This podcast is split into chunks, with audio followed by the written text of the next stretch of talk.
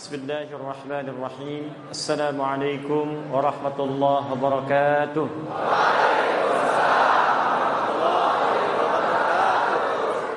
الحمد لله الذي فضل أهل العلم برفع الدرجات فقال يرفع الله الذين آمنوا منكم والذين أوتوا العلم درجات.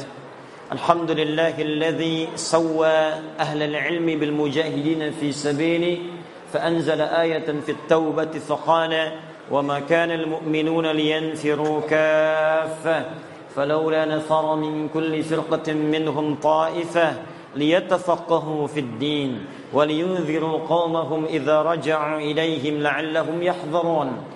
ثم الصلاة والسلام على المصطفى رسول الله محمد سيدنا وعلى آله وصحبه أجمعين. صلوا على النبي اللهم صل وسلم وبارك عليه الذي قال في حديثه من سلك طريقا يلتمس فيه علما سهل الله له طريقا إلى الجنة.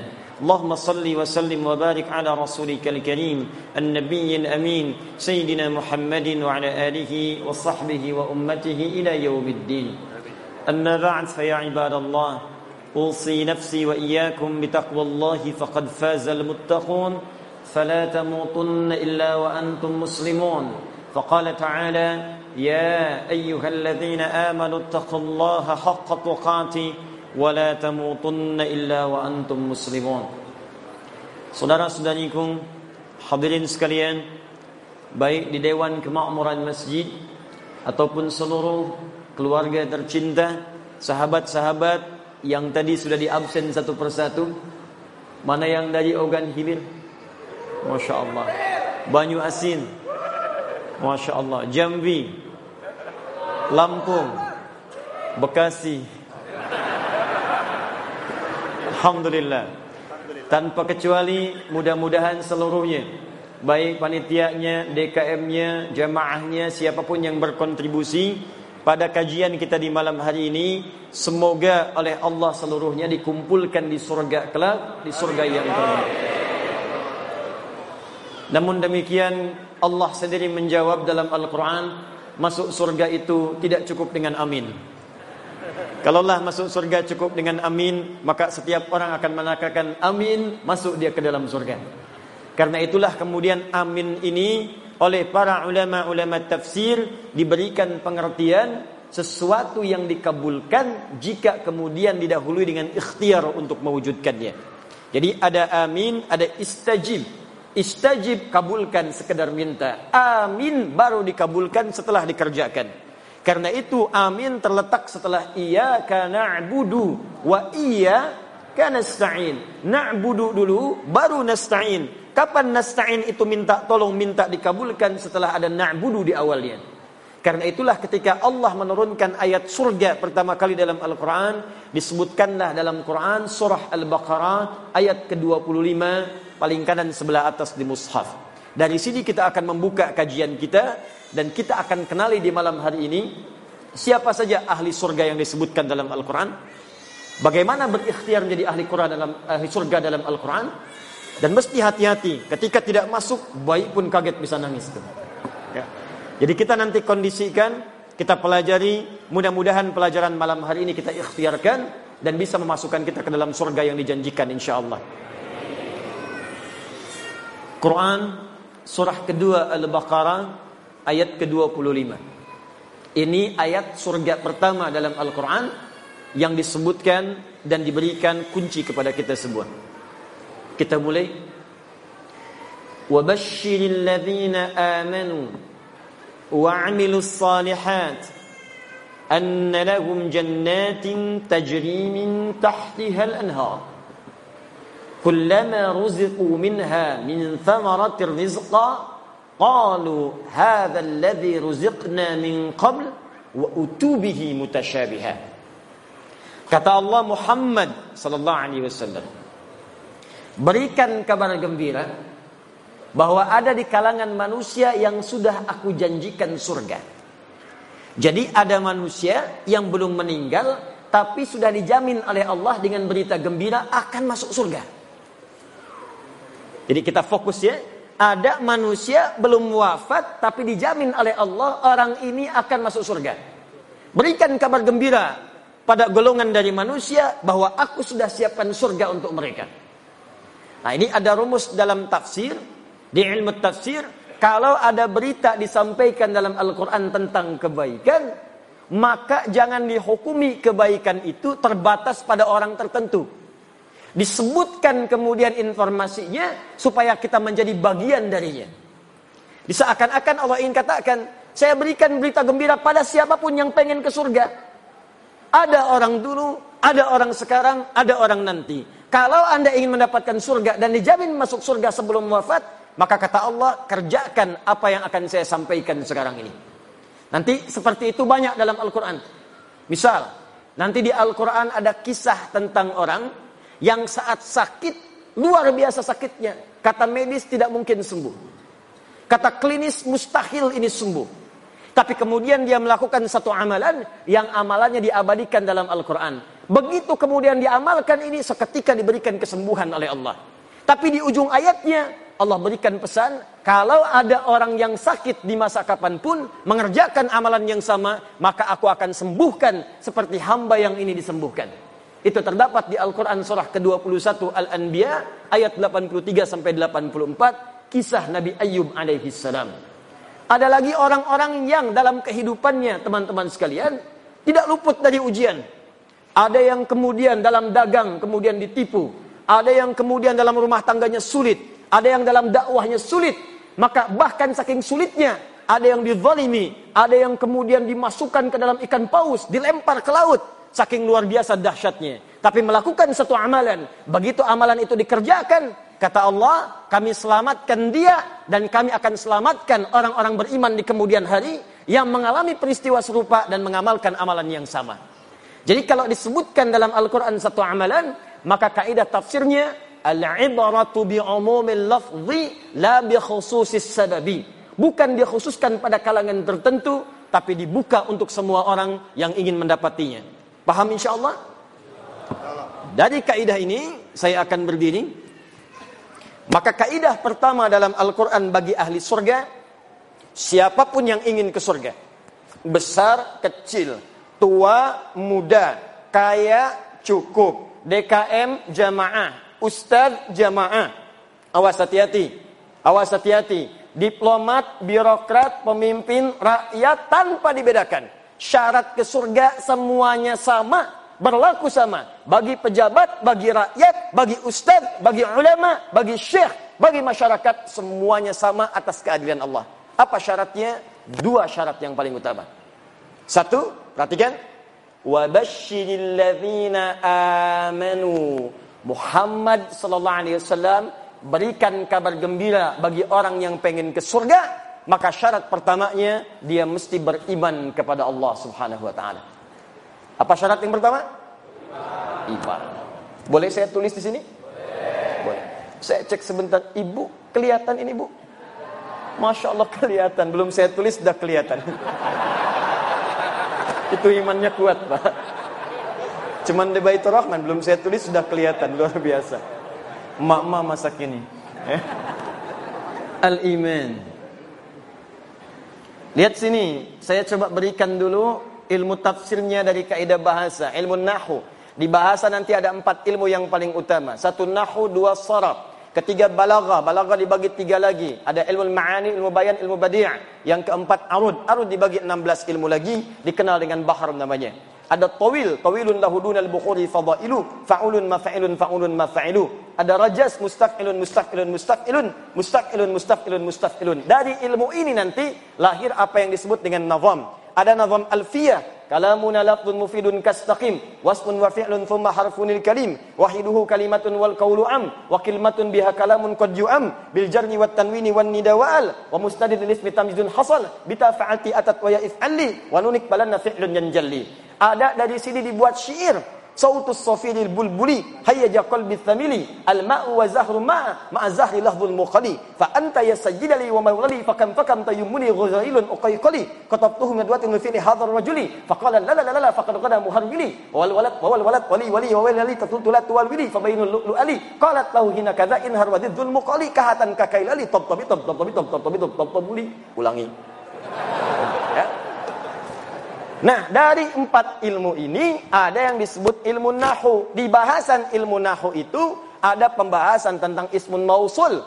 Huruf sambung yang menunjuk kadang kepada objek. Di antaranya ada kalimat alladzina. Di ayat surga ini dibuka dengan alladzina wa basyiril ladzina amanu. Kalimat iman disandingkan dengan kalimat alladzina disebutkan 1080 kali dalam Al-Qur'an alladzina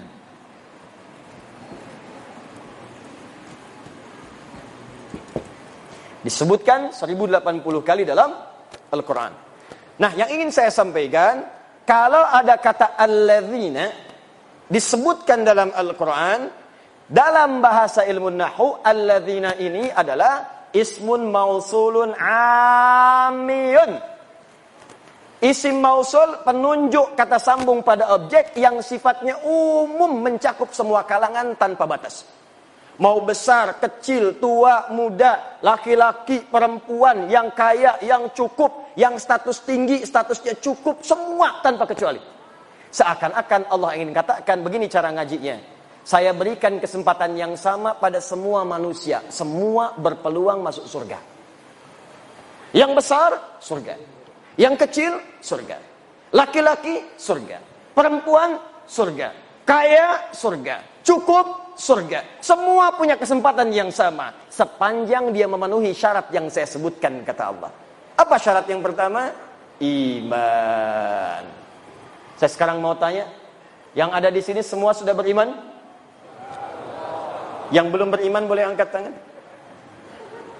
Semua sudah beriman, syarat beriman mengucapkan kalimat tauhid, asyhadu alla ilaha illallah wa asyhadu anna Masya Allah Dalam salat maghrib saja Dua kali kita sudah bersyahadat barusan. Dalam tahiyat kita ucapkan Asyhadu an la ilaha illallah Wa asyhadu anna Muhammad Rasulullah. Asyhadu an la ilaha illallah wa asyhadu anna Muhammad Rasulullah. Diperdengarkan lima kali dalam sehari untuk mengingatkan kamu ahli surga, ahli surga, ahli surga. Lima kali dalam sehari diperdengarkan. Dalam bahasa Arab yang didengar itu pasti lewat telinga.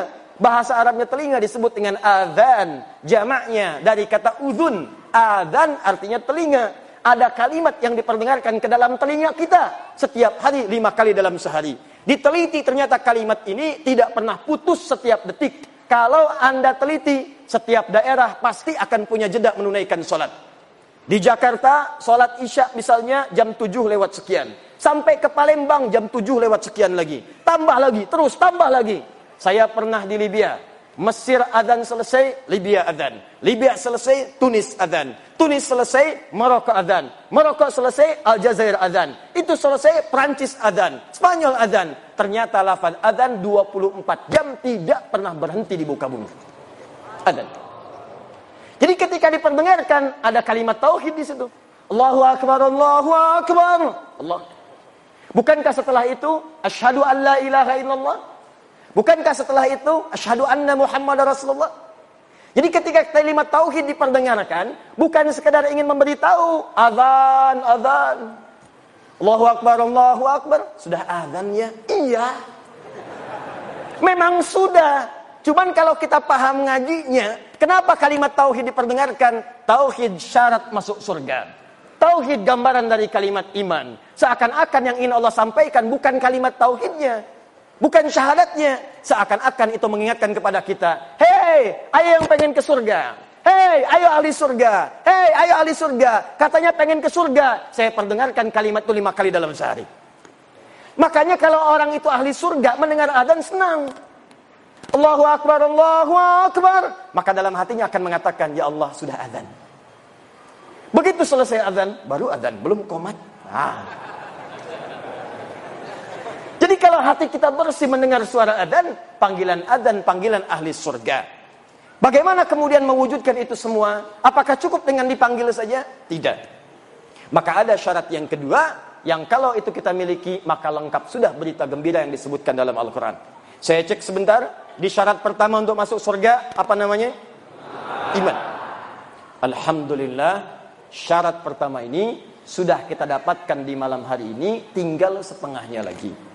Kalau setengahnya ini sudah ada, tinggal kita istiqamah sampai wafat dalam husnul khatimah dan mudah-mudahan meraih surga yang dijanjikan.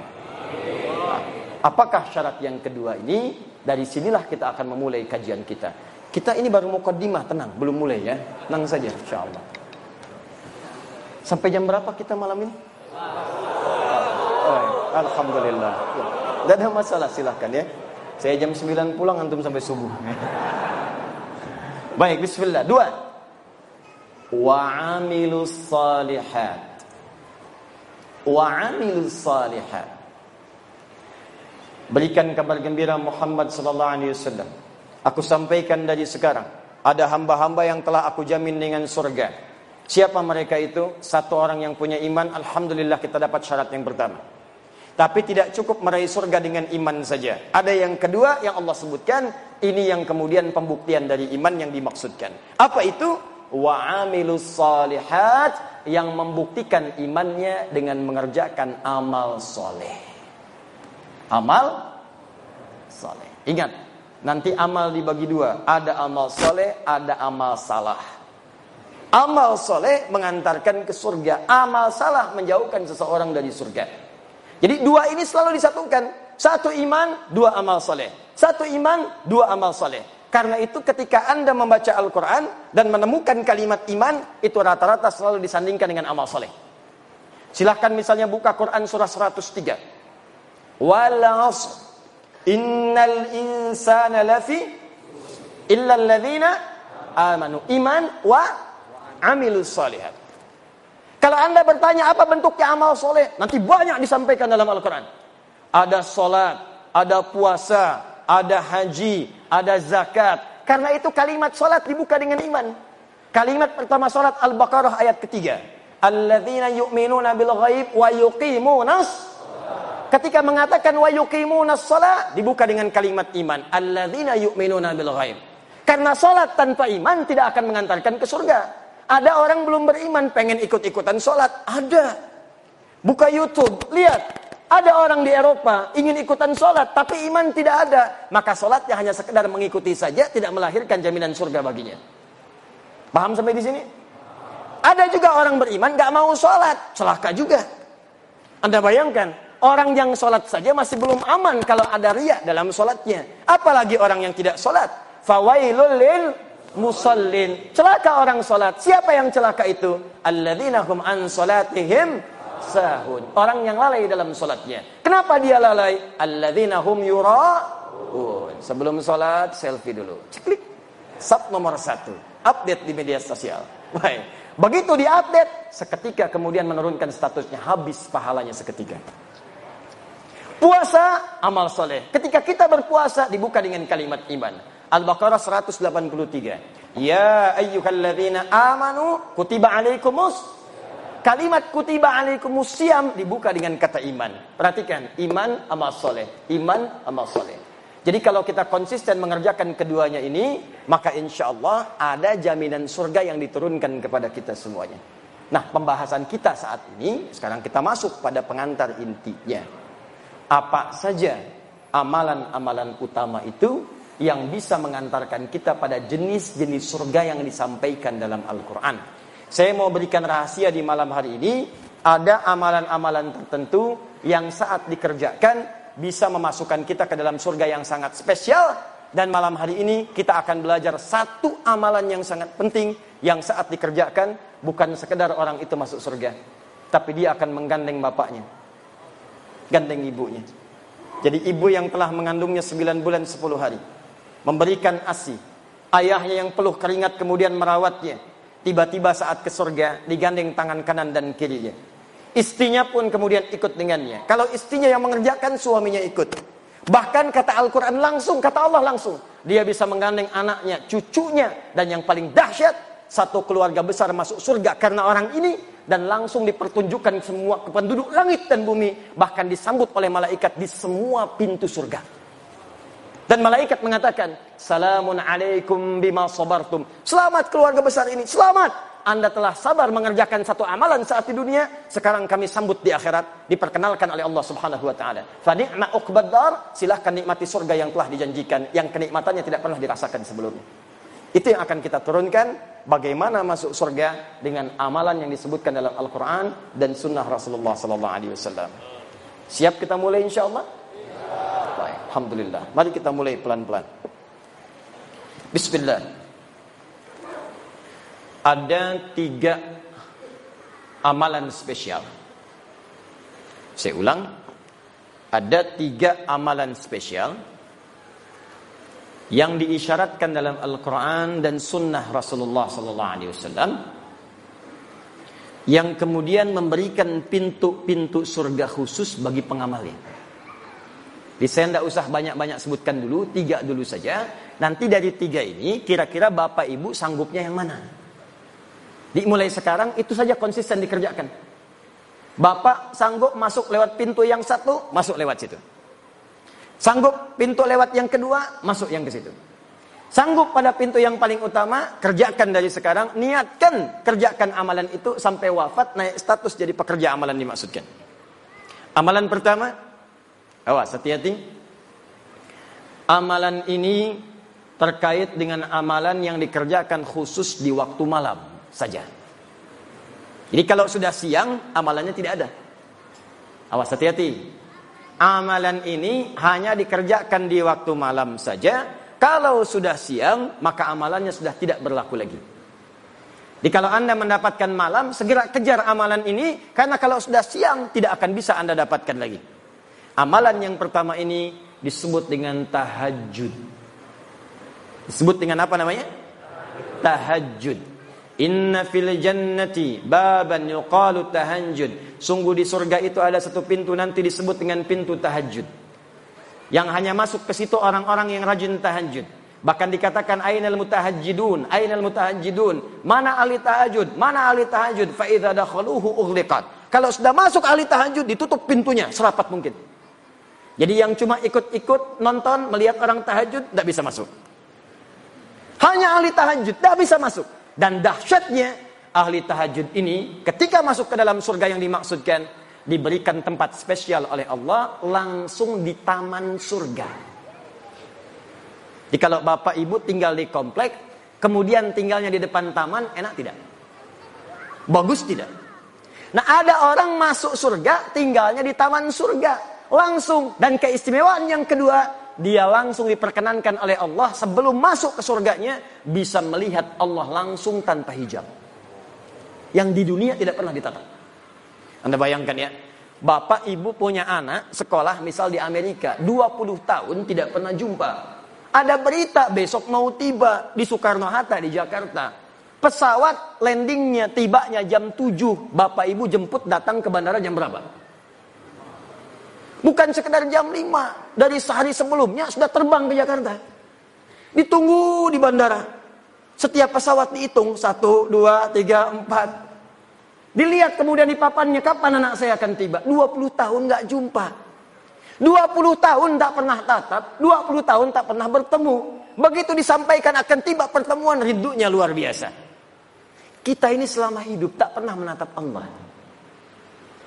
Hanya yakin iman, iman, iman, tapi tak pernah nampak dalam pandangan kita. Maka mustahil ada orang beriman yang tidak merindukan Allah. Mustahil. Semakin kuat iman kita, semakin rindu kita berjumpa dengan Allah.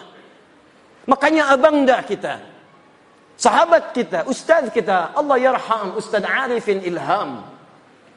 Dua hari sebelum wafat, saya ada perasaan ingin terbang ke Penang. Ingin jumpa. Kadar Allah kemudian pesawatnya begitu padat, tak mendapatkan tiket yang diharap. Tiba-tiba dapat berita kemudian wafat. Inna lillahi wa inna ilaihi raji'un. Tapi tidak banyak orang mengetahui sebelum wafat kalimat apa yang dituliskan oleh beliau. Liqa Allah.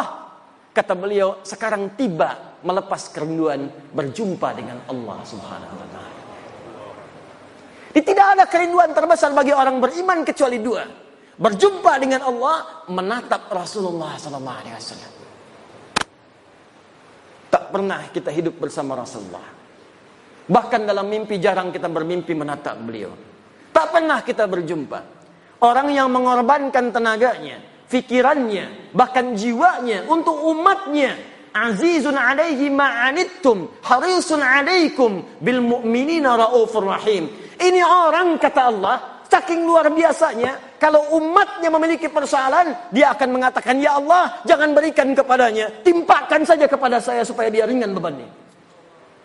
Ya Rab, kalau sakaratul maut itu begitu sakit, maka timpakan semua sakaratul maut yang akan dirasakan oleh umatku, timpakan sekarang kepadaku supaya mereka tidak merasakannya lagi. Muhammad sallallahu alaihi wasallam. Azizun alaihi ma'anittum, harisun alaikum, begitu peduli dengan kita sampai-sampai bermohon kepada Allah dalam setiap salat malamnya. Begitu sampai ke ayat surga, masukkan umatku ya Rabb, masukkan umatku ya Rabb.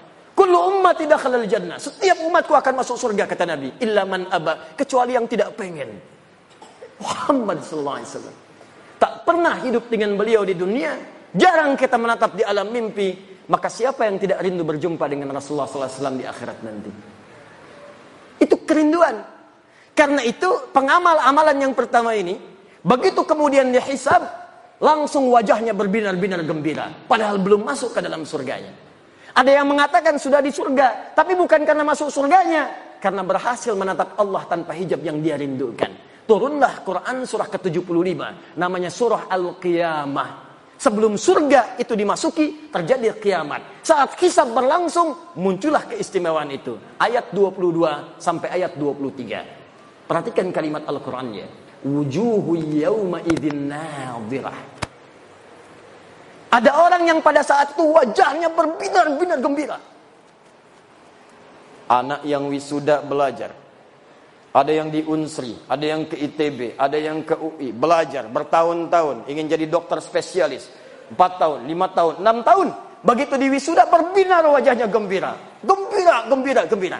Ini di hari kiamat ada wajah yang gembira luar biasa. Nadhirah terpancar aura kebahagiaan di wajahnya. Apa yang menyebabkan dia gembira? Padahal dia belum masuk surga. Ila rabbiha nazirah. Rabb ila rabbiha nazirah. Karena dia berhasil menatap wajah Rabbnya tanpa hijab sama sekali. Siapa orang ini?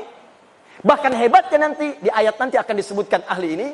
Orang-orang ini bukan sekedar bisa menatap Allah, tapi semua kebutuhan di surganya langsung diberikan oleh Allah tanpa perantara.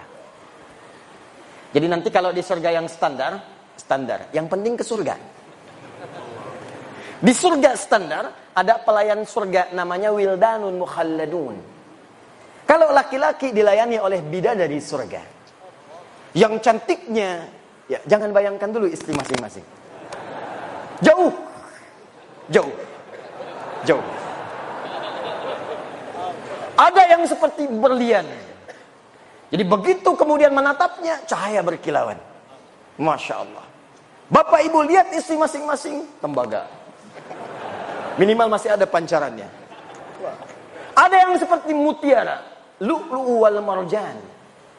Ada berlian yang jarang didapatkan. Anda pakai berlian, ibu pakai berlian, bangganya luar biasa. Di surga langsung pelayannya, wajahnya seperti berlian. Masya Allah. Hurun ain. Bidadari-bidadari yang memikat mata. Yang saat ditatap begitu indah. Mala ainan ra'at wala udhunan sami'at wala khatara ala qalbi bashar. Kalau di dunia tidak pernah dilihat, tidak pernah terdengar kisahnya, dan sekarang pun bapak-bapak melamun tidak seperti itu. Itu bahasa Nabi. Anda lamunkan pun tidak seperti itu. Jadi kalau yang laki-laki mendapatkan pelayanan dari bidadari surga, yang perempuan siapa bu? Tidak ada bidadara. Yang ada pangeran-pangeran surga. Dikala laki-lakinya dilayani oleh bidadari surga, maka yang perempuannya dilayani oleh pangeran-pangeran surga. Gantengnya jangan bayangkan suami ibu sekarang. Jangan samakan dengan ustadz yang sedang ceramah. Jauh. Jauh. Indahnya luar biasa. Bi akwabi wa abariqa wa ka'sim min ma'in. Ketika melayani Anda, maka mutiara-mutiara. Ada gelang-gelang yang indah. Kalimatnya sangat luar biasa. Wajahnya sebelum datang, cahayanya sudah tiba. Anda bayangkan. Sebelum datang, cahayanya sudah tiba. Sebelum datang, auranya sudah tampak. Begitu tiba, pancarannya luar biasa. Itu surga yang standar. Surga yang paling standar. Surga yang ini tidak. Langsung Allah yang memberikan. Apa amalan orang ini? Disebutkanlah langsung di Quran surah 51 ayat 15 sampai 17. Paling kanan pertengahan dari atas sampai ke tengah. Quran surah 51 ayat 15 sampai 17. Kita batasi dulu sampai 17 dulu. Pelan-pelan. Innal muttaqina fi jannati wa uyun. Nanti ada orang-orang takwa yang akan tinggal kemudian di taman surga. Apa keindahan taman surga itu? Akhirina ma atahum rabbuhum. Maka mereka akan mengambil semua kenikmatan surga langsung diberikan oleh Allah Rabbnya.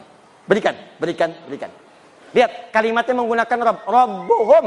Ketika menatap Allah, kalimatnya menggunakan Rabb. Wujuhu yawma idhin nadhirah ila rabbiha nadhirah. Rabb.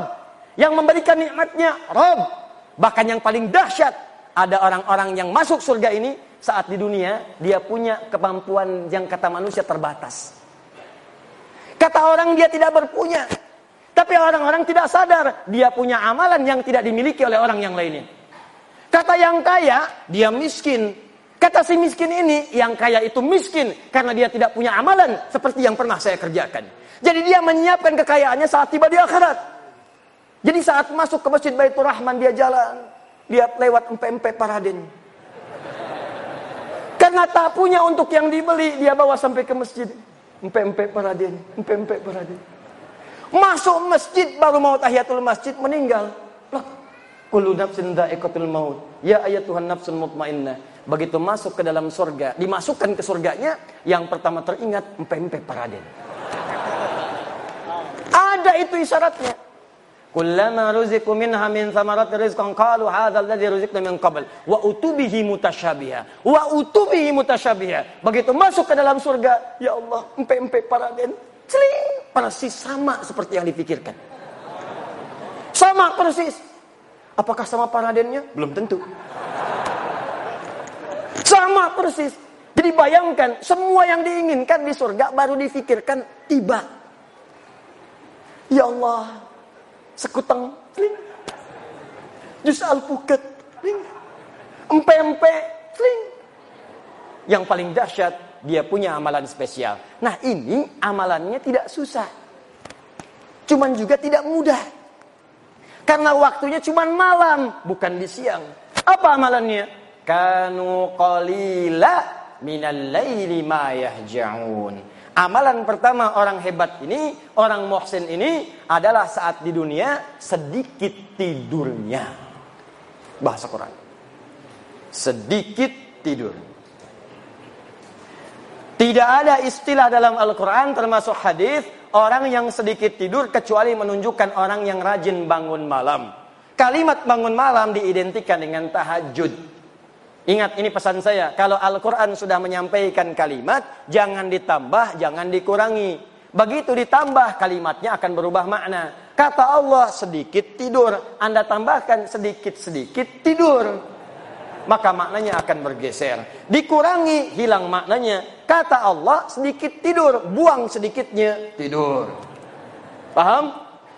Baik, jadi apa amalan yang pertama? Sedikit tidur, kanu qalila minal laili ma yahja'un. Siapa yang sedikit tidur ini? Ditafsirlah kemudian di Al-Quran surah ke-17 ayat ke-79 sampai dengan ayat 81 paling kiri di pertengahan di mushafnya. Inilah amalannya apa yang disebut kemudian dengan amalan salat tahajud. Quran surah 17 ayat 79 sampai dengan 81. Kita punya tiga menit lagi untuk menuju Isya. Pelan-pelan nanti kita jeda di Isya. Saya agak cepat karena yang mau saya sampaikan bukan amalan ini intinya. Ini pilihan pertama. Jadi kalau Bapak Ibu ingin ambil yang ini silahkan Maksud saya begini, nanti ini yang dikerjakan sahabat-sahabat Nabi sebagian besarnya. Jadi kalau mereka pengen masuk surga lewat pintu tahajud, maka mereka akan kurangi amalan yang lainnya sebagian, maka yang ini akan difokuskan. Jadi kalau Anda pengen saya pengen masuk pintu tahajud, mungkin puasanya jarang. Mungkin hanya Ramadan, ada yang begitu. Hadis Muslim nomor hadis yang ke-14. Ja Rabiun ila Nabi sallallahu alaihi wasallam. Datang seorang Arab Badui kepada Nabi sallallahu alaihi wasallam. Faqala ya Rasulullah, maka dia berkata ya Rasulullah, dullani ala amalin basitin yudkhilul jannah. Tolong tunjukkan kepadaku amalan yang sedikit-sedikit saja. Amalan yang ringan-ringan saja. Yang penting aku bisa ke surga. Cerdas orang ini. Modal sedikit, keuntungan pengen banyak. Ya Rasulullah jangan berat-berat, jangan susah-susah. Yang penting saya ke surga. Kata Nabi secara singkat cukupkan dengan yang fardu. Jadi kalau sholat fardu saja lima waktu. Kalau puasa Ramadan saja. Kalau ingin mengeluarkan harta zakat saja. Kalau kamu konsisten kamu bisa masuk surga yang standar.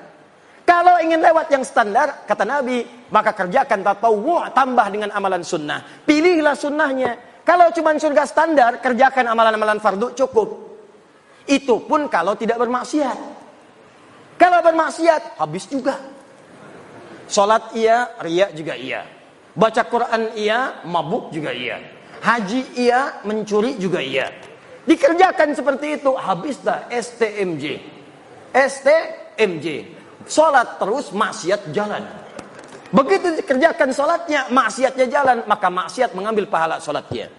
Jikalau mau aman, tambah yang fardu dengan yang sunnah. Maka anda akan dimasukkan ke dalam pintu spesial di surga. Amalan pertamanya, tahajud. Saya tutup dulu sebentar. Saya berikan amalan singkat. Kalau anda ingin masuk lewat pintu ini, maka apa yang harus didawamkan? Catat hadis muslim, nomor hadis 749. Salatul laili masna masna. Fa khasya ahadakumul fajra falyutir rak'atan wahidah. Bangunlah kalian di malam hari tunaikan tahajud. Kata Nabi kalau ingin tahajud ini kuncinya. Kalau baru mau memulai kata Nabi, maka jangan dulu kejar terlampau berat. Kerjakan dulu konsisten. Konsisten dua rakaat, dua rakaat. Walaupun cuma dua rakaat, jangan lewatkan malam. Walaupun bangun dua rakaat saja. Kalau khawatir fajar akan tiba, maka segera tunaikan witir satu rakaat. Jadi kalau anda kerjakan 11 rakaat, 23 rakaat, tapi malam ini sholat, besok tidak. Besok lagi tidak, besok lagi tidak. Lebih disukai orang yang tiap malam bangun, walaupun cuma dua rakaat, witirnya satu rakaat. Kalau anda kerjakan dengan niat minta masuk pintu tahajud, maka besar kemungkinan insya Allah dikabulkanlah dan masuklah ke dalam pintu tahajud yang dimaksudkan. Jelas sampai sini? Jadi kalau ingin masuk lewat pintu tahajud, silahkan masuk mulai sekarang jangan tinggalkan sebagian malam walaupun hanya mengerjakan dua rakaat plus witir satu rakaat. Nah, sekarang ada yang lebih hebat lagi. Dia akan masuk pintu itu dan melewati semua pintu-pintu. Bahkan, maaf ya, dia ini yang paling hebat, yang paling hebat, amalan dia amalan yang lain, bukan yang tadi, tapi saat dikerjakan, dia akan masuk lewat pintu tahajud, masuk lewat pintu lain, masuk lewat pintu lain. Amalan apakah itu? Nanti saya akan tunjukkan anak-anak muda, bahkan ada anak nanti yang saya berikan bocoran dari Palembang, yang datang kepada kami dua hari lalu, dia dari Muara Enim. Ya, dengan keluarga yang sangat luar biasa. Nanti saya akan tunjukkan keluarga besar ini mengejar amalan itu. Apakah amalan yang dimaksudkan? Kita lihat setelah menunaikan sholat isya berjamaah, insya Allah. Subhanakallahumma bihamdika asyhadu an la ilaha illa anta astaghfiruka wa atubu ilaik. Assalamualaikum warahmatullahi wabarakatuh. بسم الله السلام عليكم ورحمة الله وبركاته الحمد لله والصلاة والسلام على رسول الله وعلى آله وصحبه ومن والاه وبعد Saudara-saudariku, Alhamdulillah kita telah menunaikan salat Isya berjamaah. Kita bermohon kepada Allah semoga salat yang telah kita tunaikan diterima oleh Allah Subhanahu wa taala. Hadis sahih riwayat Imam Ibnu Majah nomor hadis 925. Selepas solat Nabi senantiasa bermohon berdoa singkat padat kepada Allah. Allahumma inni as'aluka ilman nafi'a wa rizqan tayyiban wa amalan mutaqabbala. Ya Allah, hamba bermohon kepadamu Mohon anugerahkan kepada hamba ya Allah ilmu yang bermanfaat, rizki yang baik, serta terimalah amalan-amalan yang telah kami kerjakan. Semoga dengan itu dikabulkan oleh Allah Subhanahu wa taala. Kita akan cepat karena malam ini nanti saya akan berikan sesuatu yang istimewa sebagai awal perubahan hidup kita mulai malam hari ini insya Allah. Kita mendambakan masuk ke dalam surga. Tapi kata sahabat Ali bin Abi Thalib karramallahu wajhah, banyak orang mendambakan surga tapi melakukan perbuatan yang menjauhkan ia dari surga. Ada pula orang tidak ingin masuk neraka tapi banyak mengoleksi amalan-amalan yang menjerumuskan ia ke neraka. Maka Allah sampaikan kepada kita amalan-amalan untuk dijauhi supaya menjauh dari neraka dan amalan-amalan spesial yang memasukkan kita ke surga. Sudah kita bahas tadi sebelum Isya ada amalan spesial pertama yang kalau Anda kerjakan bukan sekedar surga standar biasa, surga istimewa di taman surga, nikmatnya langsung dari Allah dan kenikmatannya luar biasa. Secara singkat amalan utamanya adalah tahajud. Jadi ketika ada ayat tahajud dalam Al-Qur'an, misal surah ke-17 ayat ke-79 paling kiri sebelah atas sampai 81-nya. Allah sampaikan wa laili fatahajjad bihi. Dan di antara sebagian malam gak usah ngambil semuanya. Kata Allah saya tidak ingin berikan kepadamu semua malam. Kamu ambil sebagiannya saja. Tunaikan tahajud. Tapi ingat baik-baik ya, Bu, Pak, teman-teman. Tahajud itu asalnya dari kata hajada. Aktivitas yang dikerjakan setelah tidur sejenak. Tidur dulu. Supaya malam bangunnya segar. Nah, bisa Allah mengatakan misalnya fahjad tahajud malam bangun. Tapi kenapa ditambah dengan tak dan ada tasdid di ujungnya? Tahajjada. Padahal asal kalimatnya hajada yahjudu. Jadi tahajjada. Di ilmu saraf, saraf punya 12 cabang ilmu lagi. Ada tambahan huruf satu, thulathil mazid di harfin. Tambahan satu huruf. Kalau ditambahkan tak, tak, tak, tak, tak, di antara maknanya sesuatu yang dikerjakan dengan sungguh-sungguh dan serius. Jadi kalau Anda ingin membangun malam, itu mesti sungguh-sungguh. Mesti serius. Harus ada persiapan, ada usaha. Ini menunjukkan amalan ini sekalipun kelihatannya mudah tapi tidak mudah dikerjakan kecuali sungguh-sungguh dalam merencanakannya. Kalau di akhirnya ada tasdid, pakai tasdid dari kata syiddah, ini menunjukkan amalan itu tidak mudah dan butuh motivasi dua kali lipat. Karena itu orang-orang yang pengen tahajud bangunnya setengah empat, itu pasang alarm bisa dari jam dua pak. Pengen sholat setengah empat, pasang alarm jam dua, alarmnya sampai empat kali. Jam dua seperempat, setengah tiga, jam tiga, tiga seperempat. Untuk sholat jam setengah empat, alarm jam dua seperempat untuk mematikan alarm yang kedua. Alarm kedua mematikan alarm yang ketiga. Alarm ketiga untuk alarm yang keempat. Baru yang keempat pun masih ngantuk. Alhamdulillahilladzi ahyana ba'da ma amatna wa ilaihin nusur. Bangun-bangun jam 6. Kelihatannya sedikit. Maka dari itu bagi yang ingin tahajud silahkan siapkan diri. Anda masuk pintu tahajud ke surga spesial. Dan kalau ingin mulai jangan membebani diri. Ad-dinu yusun wala usrun. Agama itu mudah, jangan dipersulit. Maka naik tangga itu jangan langsung naik tangga ke tangga yang kelima tangga ketujuh karena tangga dimulai dari tangga pertama, kedua, ketiga dan seterusnya. Maka kata Nabi di hadis Muslim nomor hadis 749 dari Ibnu Umar radhiyallahu taala anhuma, salatul laili matna matna. Kalau pengen salat malam mulai dua dulu. Kalau sudah nikmat tambah dua lagi. Itu pun jangan baca yang panjang-panjang dulu. Faqra'u ma tayassara minal Qur'an. Surah 74, surah ke-73 ayat ke-20. Faqra'u ma tayassara minal Qur'an. Yang gampang-gampang dulu. Mungkin malam pertama kalau nggak pernah tahajud, malam pertama kul. Dulu. Rakaat kedua kul lagi. Al-Falaq An-Nas kul dengan kul. Witirnya kul lagi. Kul huwallahu ahad. Nggak apa-apa. Kalau sudah terbiasa, besok bangun lagi, bangun lagi, tambah dua lagi, tambah dua lagi, tambah dua lagi. Ada yang sebelas, ada yang semakin nikmat 23. Di Madinah ada yang sampai 39, ada yang lebih daripada 40. Saking nikmatnya mengejar pintu surga dengan tahajud. Dan pintu ini penting. Nanti kalau Bapak Ibu umrah atau haji nanti akan berangkat, saya doakan insya Allah yang belum berangkat dipercepat untuk berangkat. Insya Allah. Okay? Insya Allah dan tidak cukup dengan amin, nabung. Nabung insya Allah. Pasang target. Nanti kalau ke Madinah, masuk Masjid Nabi, saat nanti akan masuk ke Masjid Nabi itu, begitu Anda masuk, nanti ada wilayah khusus yang karpetnya merah, atasnya ada manik-manik lampu. Nah, di wilayah itu ada karpet hijau disebut dengan raudhah. Sebelah kiri raudhah dekat yang makam Nabi itu, kamarnya Nabi, itu nanti ada wilayah sofa. Sebelum sofa ada yang seperti panggung kecil, ada gundakan. Itulah dulu kamarnya Sayyidina Ali bin Abi Thalib ketika berumah tangga dengan Fatimah Az-Zahra.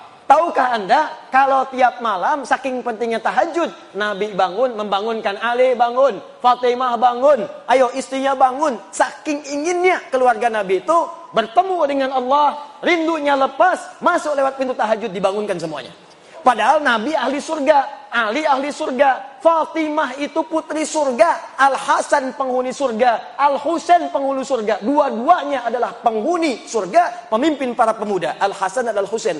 Malamnya masih tahajud. Antum siapa? Ibu istri Nabi bukan. Antum menantu Nabi bukan, cucu Nabi bukan, tetangga Nabi bukan, sahabat bukan, tabiin bukan, imam juga bukan, makmum kadang-kadang. Pengen masuk surga lewat pintu tahajud surga Firdaus. Bangun malam terlewat. Anda siapa? Sehat. Makanya sering disindir oleh Allah. Buka Quran surah ke-73. Al-Muzammil. Orang yang berselimut nikmat dalam tidurnya. Al-Mudathir. Orang yang berselimut untuk berlindung dari sesuatu yang menegangkan. Al-muzammil pakai selimut menikmati malam. Ya ayyuhal muzammil. Hai yang sedang berselimut menikmati tidurnya malam. Qumil laila illa qalila. Katanya pengen ke surga. Katanya spesial. Ayo bangun malam. Kalaupun cuma sedikit. Nisfahu aw yunqus minhu qalila. Ayo ambil pertengahannya. Atau kalau nggak kuat ujungnya mendekat ke arah subuh. Auzid alaihi warattilil qur'ana tartila. Atau kemudian tambah sedikit jangan terlampau dekat ke subuh supaya engkau menikmati bacaannya. Bacalah Quran dengan tartil. Innalaka fin nahari sabhan tawila. Duh, katanya pengen ke surga. Siang harinya sibuk luar biasa. Sibuk kerja. Ada yang jualan, ada yang menjahit. Ya. Ada yang jual ini, ada yang jual itu, ada yang jual pakaian, ada yang jual, ada yang ngajar, ada yang macam-macam, ada yang ke kantor. Masya Allah, siangnya sibuk kerja, malamnya tidur cita-cita masuk surga. Makanya kata Allah kamu ini aneh. Katanya pengen ke surga, siangnya sibuk kerja, malamnya nikmat tidur. Cita-cita ke surga, bangunlah walaupun cuma dua rakaat. Siap tahajud? Siap tahajud? Allahu Akbar. Insya Allah mudah-mudahan di hari kiamat kita dibangkitkan, ada pintu tahajud memanggil kita. Masya Allah. Aina fulan, wong kita galuh. Wah, mutahajidun. Mana orang Palembang yang rinta tahajud? Langsung disebut Palembang ya. Masuk, masuk, masuk, masuk, masuk. Masya Allah. Pak Edi Taylor, masuk.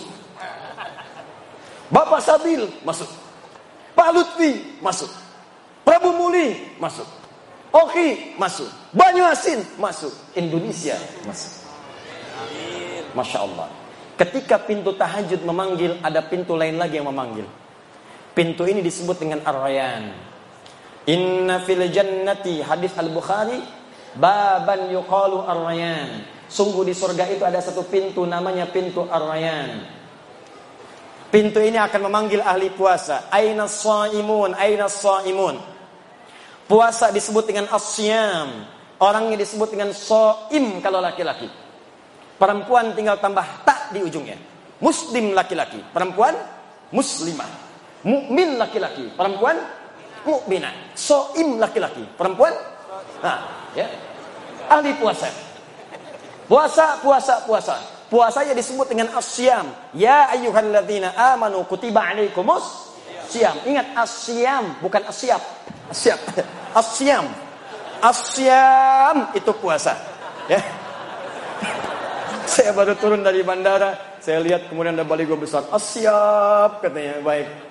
Tapi untuk ahli surga yang kedua ini yang spesial asyam orang yang rajin puasa. Jadi bukan cuma nunggu Ramadan.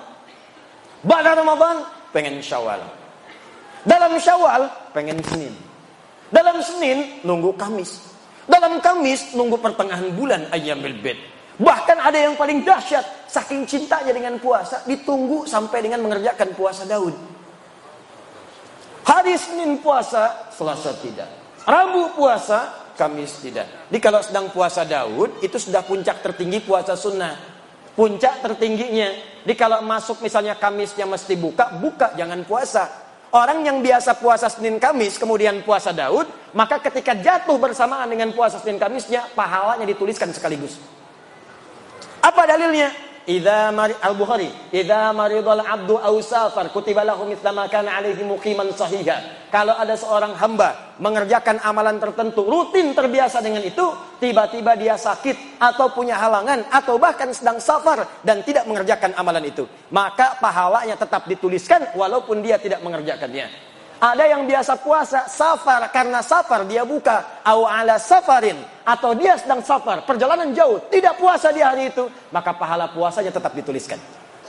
Yang paling dahsyat kalangan akhwat ibu-ibu emak-emak dalam keadaan sucinya dia biasa baca Al-Qur'an, dia tahajud, dia puasa, dia sedekah. Tiba-tiba dalam keadaan masa haidnya, datang bulannya, dia libur salatnya. Dia libur baca Al-Quran misalnya. Begitu dia tidak sholat, padahal dia biasa tahajud, biasa sholat sunnah. Maka semua pahala sholatnya langsung dituliskan walaupun tidak mengerjakannya. Makanya saya katakan rugi seorang muslimah dalam masa sucinya hanya mengerjakan amalan fardu saja. Karena saat masa haidnya yang dituliskan cuma itu saja. Nanti kalau sudah tiba monofus sama aja dengan laki-laki nggak ada batas. Makanya ayo coba berlomba, berlomba, berlomba. Maka dikatakan aina soimun, aina soimun. Mana ahli puasa, ahli puasa. Maaf, yang tidak biasa puasa, yang tidak senang puasa, dia tidak akan masuk lewat pintu ini. Faidah dakhalahu ughliqa. Begitu masuk ditutup. Yang puasa Daud masuk, uh masuk. Tiba-tiba langsung tutup. Tuh, eh kok ditutup? Saya Daud juga. Daud apa kamu? Saya sholat Daud. Subuh sholat, dur tidak. Asal sholat, maghrib tidak. Tidak bisa masuk. Jadi yang bisa masuk cuma ahli puasa saja. Jadi kalau bapak ibu tidak kuat bangun malam untuk sholat tahajud, maka cobalah masuk ke pintu yang istimewa yang kedua dengan pintu ar-rayan, pintu orang puasa. Sekarang hari apa? Jumat masuk ke Sabtu, pindah maghrib sudah masuk Sabtu. Sabtu, kalau belum biasa puasa tunggu Senin. Kenapa tunggu Senin Ustadz? Karena Senin itu ada puasa sunnah. Banyak orang yang puasa. Kalau banyak yang puasa, terasa lebih ringan kita menunaikannya. Kalau anda saja sendirian yang lain puasa, baru mau coba sudah pengen puasa Daud. Biasanya subuh sebelum subuh sahur, duhur buka. Coba Senin dulu. Senin nikmat, Kamis coba. Makanya jaraknya agak jauh antara Senin dengan Kamis. Nikmati dulu. Senin dengan Kamis jalan, tunggu pertengahan bulan. Perhatikan bagaimana Islam memberikan runtutan supaya nikmat mengerjakan semua amalan itu. Kalau sudah selesai semuanya, Masya Allah, Ramadan nikmat, Daud nikmat, Senin Kamis nikmat. Maka ada amalan ketiga, ini yang ingin saya percepat. Maaf, kalau Anda mengerjakan amalan ini, maka akan otomatis terdorong jiwa kita mengerjakan amalan yang lain. Biasa puasa, belum tentu tahajud. Biasa tahajud, belum tentu puasa. Tapi kalau Anda mengerjakan amalan yang ketiga ini, maka otomatis diri kita ini akan dipaksa seketika ingin menunaikan tahajud. Seketika nikmat puasa. Saking hebatnya amalan ketiga ini, kalau yang tadi pintu tahajud masuk, pintu puasa masuk, pintu sedekah masuk. Yang ini semua pintu surga berebut memanggil namanya. Sampai Abu Bakar As-Siddiq radhiyallahu taala anhu mengatakan pada Nabi ya Rasulullah, apakah saya bisa masuk lewat pintu-pintu itu? Kata Nabi, semoga engkau termasuk dari bagiannya. Maka beliau menata setiap harinya untuk mengerjakan amalan-amalan yang dipanggil lewat semua pintu itu. Dan dalam Al-Qur'an ada satu amalan kalau dikerjakan maka cenderung kemudian mengajak pada amalan yang lain. Apakah amalan itu? Itulah amalan ahli Al-Qur'an amalan ahli Al-Quran. Saya tuliskan ayatnya, saya hadirkan hadis-hadisnya, nanti saya contohkan langsung pembuktiannya dan cara berinteraksi dengannya. Nanti kita sepakat mulai malam ini, insya Allah kita mencoba menjadi ahli Al-Quran. Siap insya Allah? Ya, harus siap, ya, harus siap. Mudah-mudahan saat wafat kita tercatat sebagai ahli Quran dan bisa mendapatkan apa yang dijanjikan. Ya, mesti beda, mesti beda. Saya hapus dulu ya. Sebentar. Oh, maaf, maaf. Ini uh, apa yang saya sampaikan penting. Ya, penting sekali. Saking pentingnya, ini kadang-kadang nggak bisa dihapus. Gak apa-apa, jadi saya nulis di sisi yang lain. Bismillah. Datang sendiri, Tulis sendiri, hapus sendiri, hapus sendiri. Satu, Quran surah ke 13 ayat 23 sampai 24. Siapakah orang ini? Ditafsir di Quran surah 35 ayat ke-33. Siapakah ayat 33 ini? Dijelaskan di ayat 32-nya. Apa keutamaan orang ini? Dijelaskan oleh Nabi dalam hadis riwayat At-Tirmidzi. At-Tirmidzi itu nama aslinya Muhammad. Tumbuh berkembang di Tirmidz, maka dikenal dengan At-Tirmidzi. Menulis salah satu kitab Sunan Sunan At-Tirmidzi atau dikenal dengan Sahih At-Tirmidzi. Nomor hadis 2910, 2915, 2920. Nanti kita terangkan apa saja isinya dari nomor-nomor hadis yang disebutkan. Juga nanti tambahan spesial dari hadis Abu Abdurrahman As-Sulami dari sahabat Ali bin Abi Thalib radhiyallahu taala anhu dari Nabi sallallahu alaihi wasallam yang dikutip nanti oleh Imam An-Nawawi dalam kitabnya Tibyan fi Adab Hamalatil Quran. Yuk kita mulai. Bismillah. Setelah ini nanti saya tunjukkan sedikit tentang cara menjadi ahli Quran kalau masih nanti ada waktu saya bahas nanti pertanyaan-pertanyaan yang disampaikan. Bismillah. Quran surah 13 Ar-Ra'd ayat 23 sampai 24. Jannatu 'adnin yadkhulunaha wa man salaha min abaihim wa azwajihim wa dhurriyyatihim والملائكة يدخلون عليهم من كل باب Salamun alaikum bima sabartum fani'ma uqbad dar. Fani'ma uqbad dar.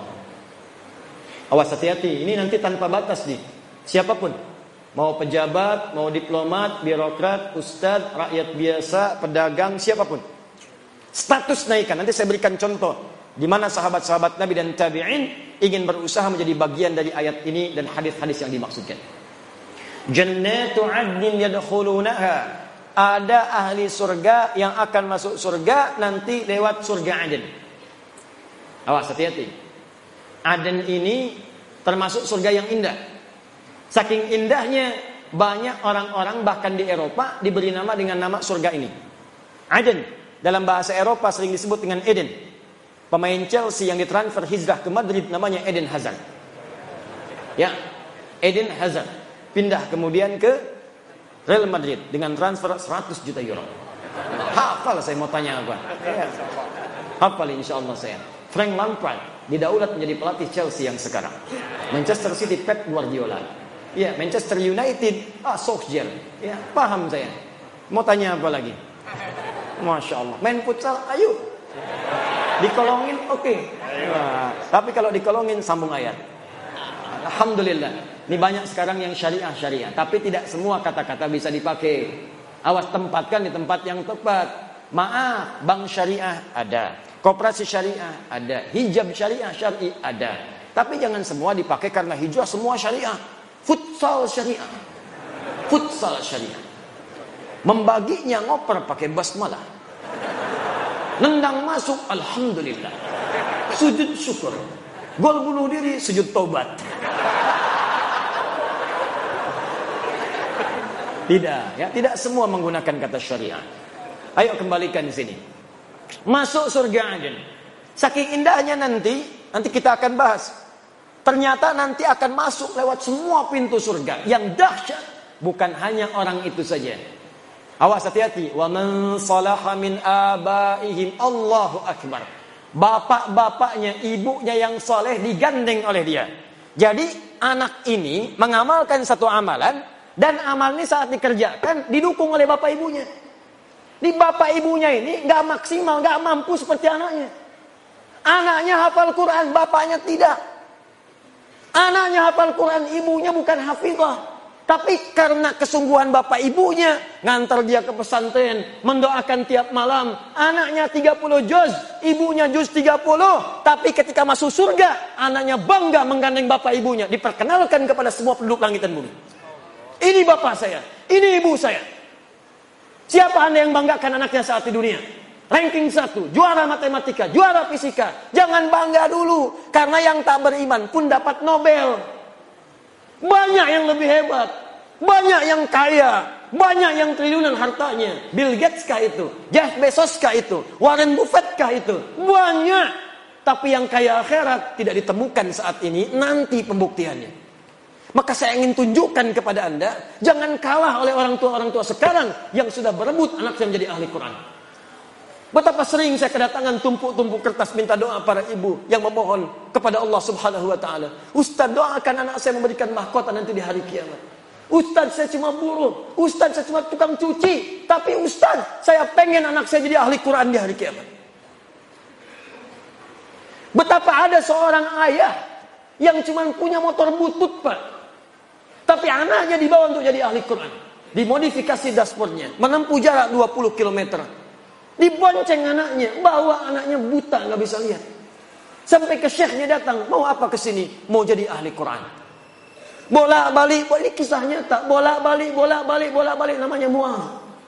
Seketika setelah hafal Al-Quran, bacaannya bagus, makhrajnya bagus, sampai mengguncang wilayah Timur Tengah. Datang reporter dari Kuwait bertanya, kenapa Adinda menghafal Quran? Apa yang dia katakan?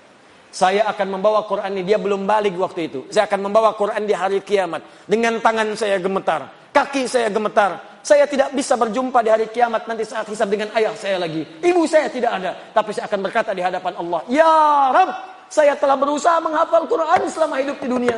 Kalaupun bekal ini belum cukup masuk ke surga, tolong kurangi hukuman saya di neraka dengan Quran yang telah saya hafalkan ini. Tapi apa jawab Allah? Bukan neraka untukmu, surga untukmu. Bawa bapakmu, gandeng ibumu yang telah mendukungmu menjadi ahli Quran saat di dunia. Maka disebutkanlah dalam hadis riwayat At-Tirmidzi, nomor hadis 2915. Begitu akan masuk surga, Qurannya langsung berkata kepada Allah, Allahumma halli. Halli. Karena itu di Quran surah 35 ayat 33, paling kiri sebelah atas, maka disebutkanlah dia akan dihiasi. Ya Allah kata Al-Quran hiasi dia. Jannatu adnin yadkhulunaha yuhallawna fiha min asawir. Maka Allah tidak rida ahli Quran ini masuk ke dalam surga sebelum diberikan perhiasan dulu. Maka diberikanlah perhiasan. Pertama hiasan yang dipakaikan adalah gelang-gelang emas. Setelah dipakaikan gelang-gelang emas diberikanlah mahkota. Fayulbasu ilaihi tajul karamah. Maka dipakaikan di atas kepalanya mahkota kehormatan untuk membedakan dengan yang bukan ahli Al-Quran. Begitu dipakaikan mahkota itu, maka kemudian Allah firmankan. Hadirkan mahkota baru. Dipanggillah bapak ibunya yang soleh itu. Maka anak ini membawa mahkota itu yang dalam hadis disebutkan sinarnya lebih terang dibandingkan cahaya matahari yang masuk ke dalam rumah. Maka dipertontonkan di seluruh penghuni langit dan bumi dipakaikan oleh anak itu di atas kepala kedua orang tuanya. Kami ada sekolah di Bekasi namanya Al Ihsan Islamic School. Anak-anak TK-nya diberikan manhaj menghafal Quran.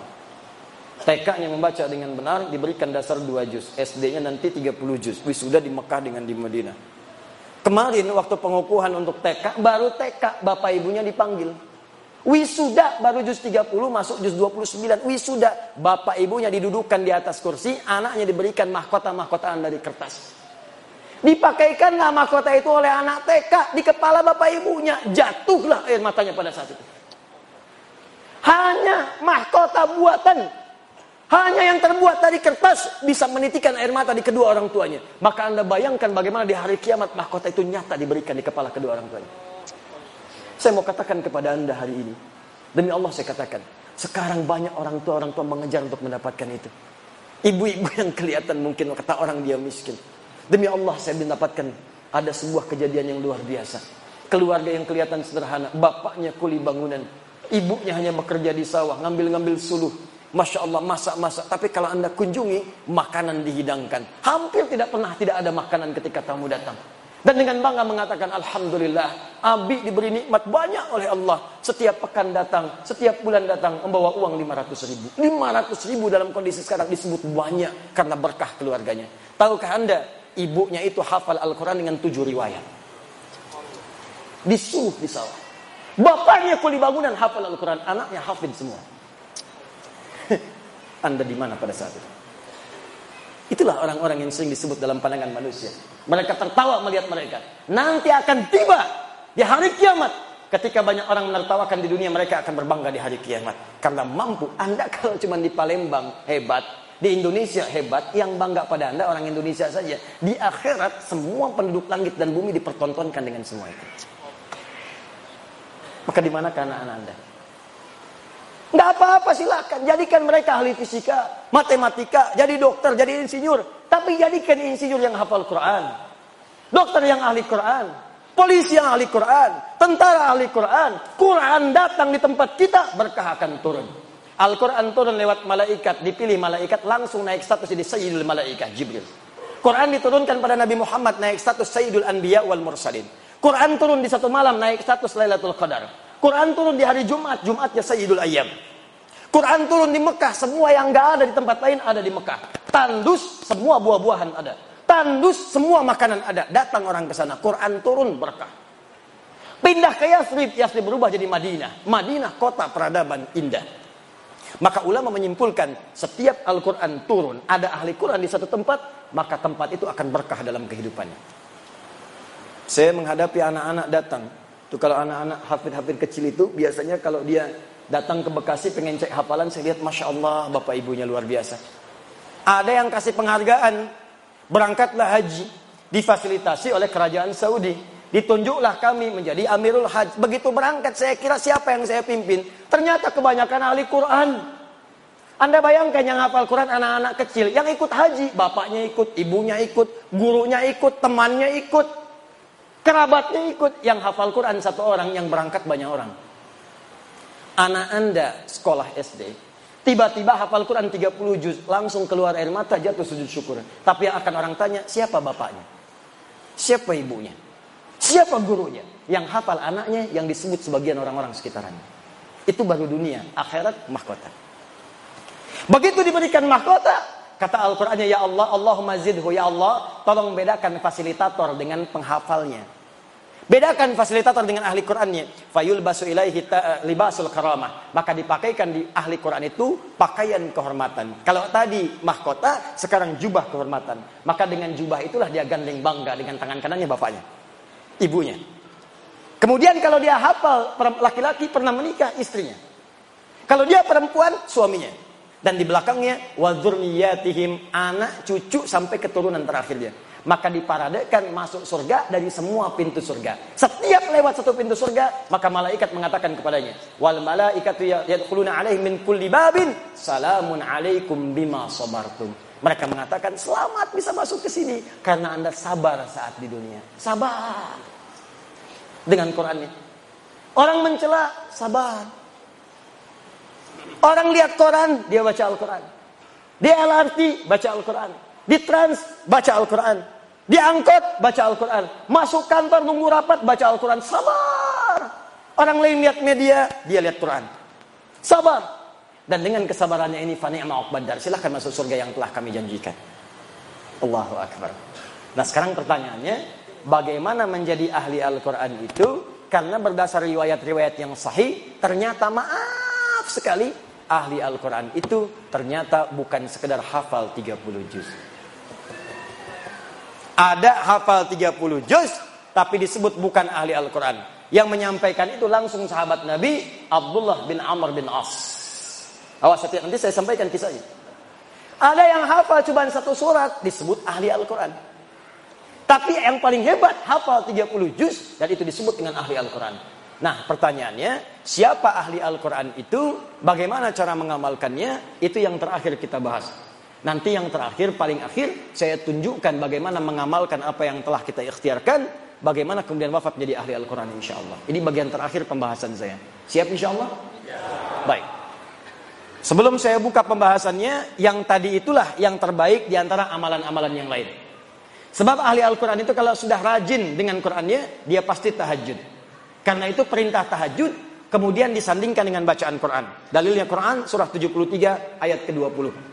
Ya setelah Allah mengatakan bangun bangun bangun malam, tunaikan tahajud, maka dibuka dengan kalimat faqra'u ma tayassara minal Qur'an. Dalam tahajud itulah baca Quran yang biasa engkau bacakan.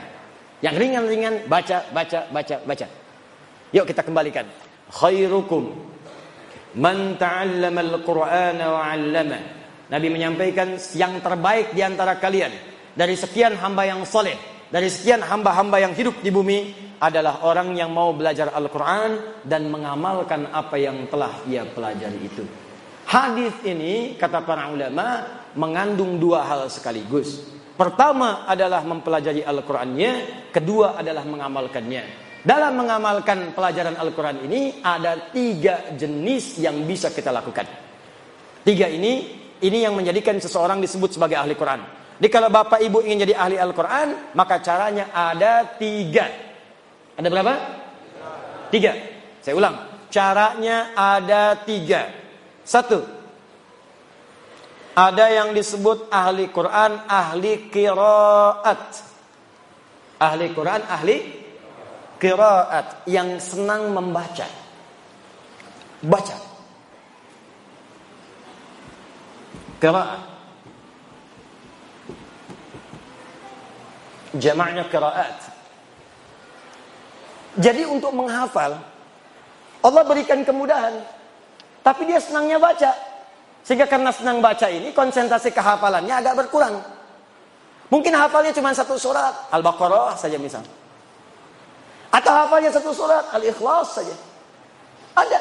Ada di antara sahabat Nabi yang kalau baca surat, baca surat dalam sholat, saking ikhlas ya sholatnya, yang dibaca cuma Al-Ikhlas saja. Al-Ikhlas terus, ahad, kulullahu ahad, kulullahu ahad, sampai diadukan oleh sahabat yang lainnya. Ini hadis sahih, nyata. Ketika diadukan pada Nabi ya Rasulullah, si fulan kau bacanya itu melulu. Jadi imam al-ikhlas. Jadi imam al-ikhlas. Sampai makmumnya pun sudah paham. Begitu mau sholat, pasti al-ikhlas. Ghairil maghdubi alaihim waladdallin. Al-ikhlas. Diadukan pada Nabi ya Rasulullah si fulan bacanya al-ikhlas terus dipanggil oleh Nabi ya fulan kamu diadukan oleh kawan-kawanmu, kenapa baca al-ikhlas terus? Kata sahabat ini, ya Rasulullah, ana uhibbullah ta'ala. Saya mencintai Allah. Saking cintanya dengan Allah, saya senang baca surat al-ikhlas karena kecintaannya kepada Allah. Masya Allah. Ahlullahi wa khasatuh. Kalimat itulah yang memasukkan dia dalam keluarga, barisan-barisan yang dicintai oleh Allah dan dikhususkan oleh Allah Subhanahu wa taala. Kata Nabi teruskan. Bayangkan. Dia ada orang yang ahli Quran, hafalnya mungkin sedikit, satu surah, dua surah, tapi kecintaannya pada Al-Quran menjadikan dia rajin baca. Masya Allah, baca, baca, baca, seperti Ramadan kemarin. Ya, one day, one juz, semalam, sehari, satu juz. Ya, besoknya satu juz lagi, sebulan tiga puluh juz. Allahu Akbar, baca, baca, baca, baca. Al-Imam Syafi'i, hari-hari biasa, satu hari tiga puluh juz. Ramadan, setiap hari dua juz. Siang satu juz, malam satu juz. 30 hari 60 juz. 60 juz, emang ada? 60 kali khatam. 60 kali khatam. Anda bayangkan. Saking cintanya dengan Al-Quran. Al-Imam An-Nawawi menyebutkan kisah dalam kitabnya At-Tibyan fi Hadab Hamalatil Quran. Ada seorang di zaman salafus saleh yang senang dengan baca Al-Quran. Yang senang dibaca suratnya Al-Baqarah, Pak. Bu. Ini kisah nyata. Di setiap mau tidur Al-Baqarah. Setiap mau tidur Al-Baqarah. Nanti ada yang senang Al-Mulk, ada yang senang Yasin. Ini senangnya Al-Baqarah. Di kalau senang Yasin, baca Yasinan. Senang Al-Mulk, Al-Mulkan. An-Nisa, An-Nisaan. Al-Baqarah, Baqarahan. Dia ini senang Al-Baqarah, Baqarahan. Tiap malam sebelum tidur, Baqarah, Baqarah, Baqarah, Baqarah. Saking cintanya dengan Al-Baqarah, tidak pernah tidur sebelum baca Al-Baqarah. Satu kali tertidurlah ia karena lelah dan belum sempat baca Al-Baqarah di pertengahan malam dalam tidurnya. Tiba-tiba terbangun kaget tuh. Tangannya mengenai sebagian dari tubuh kawannya. Kawannya kaget bangun mengatakan, "Kamu kenapa tiba-tiba bangun kemudian tanganmu kena saya?" Kata orang ini, "Laqad ra'aitu fil fil manam annani laqad natuhatnil baqarah."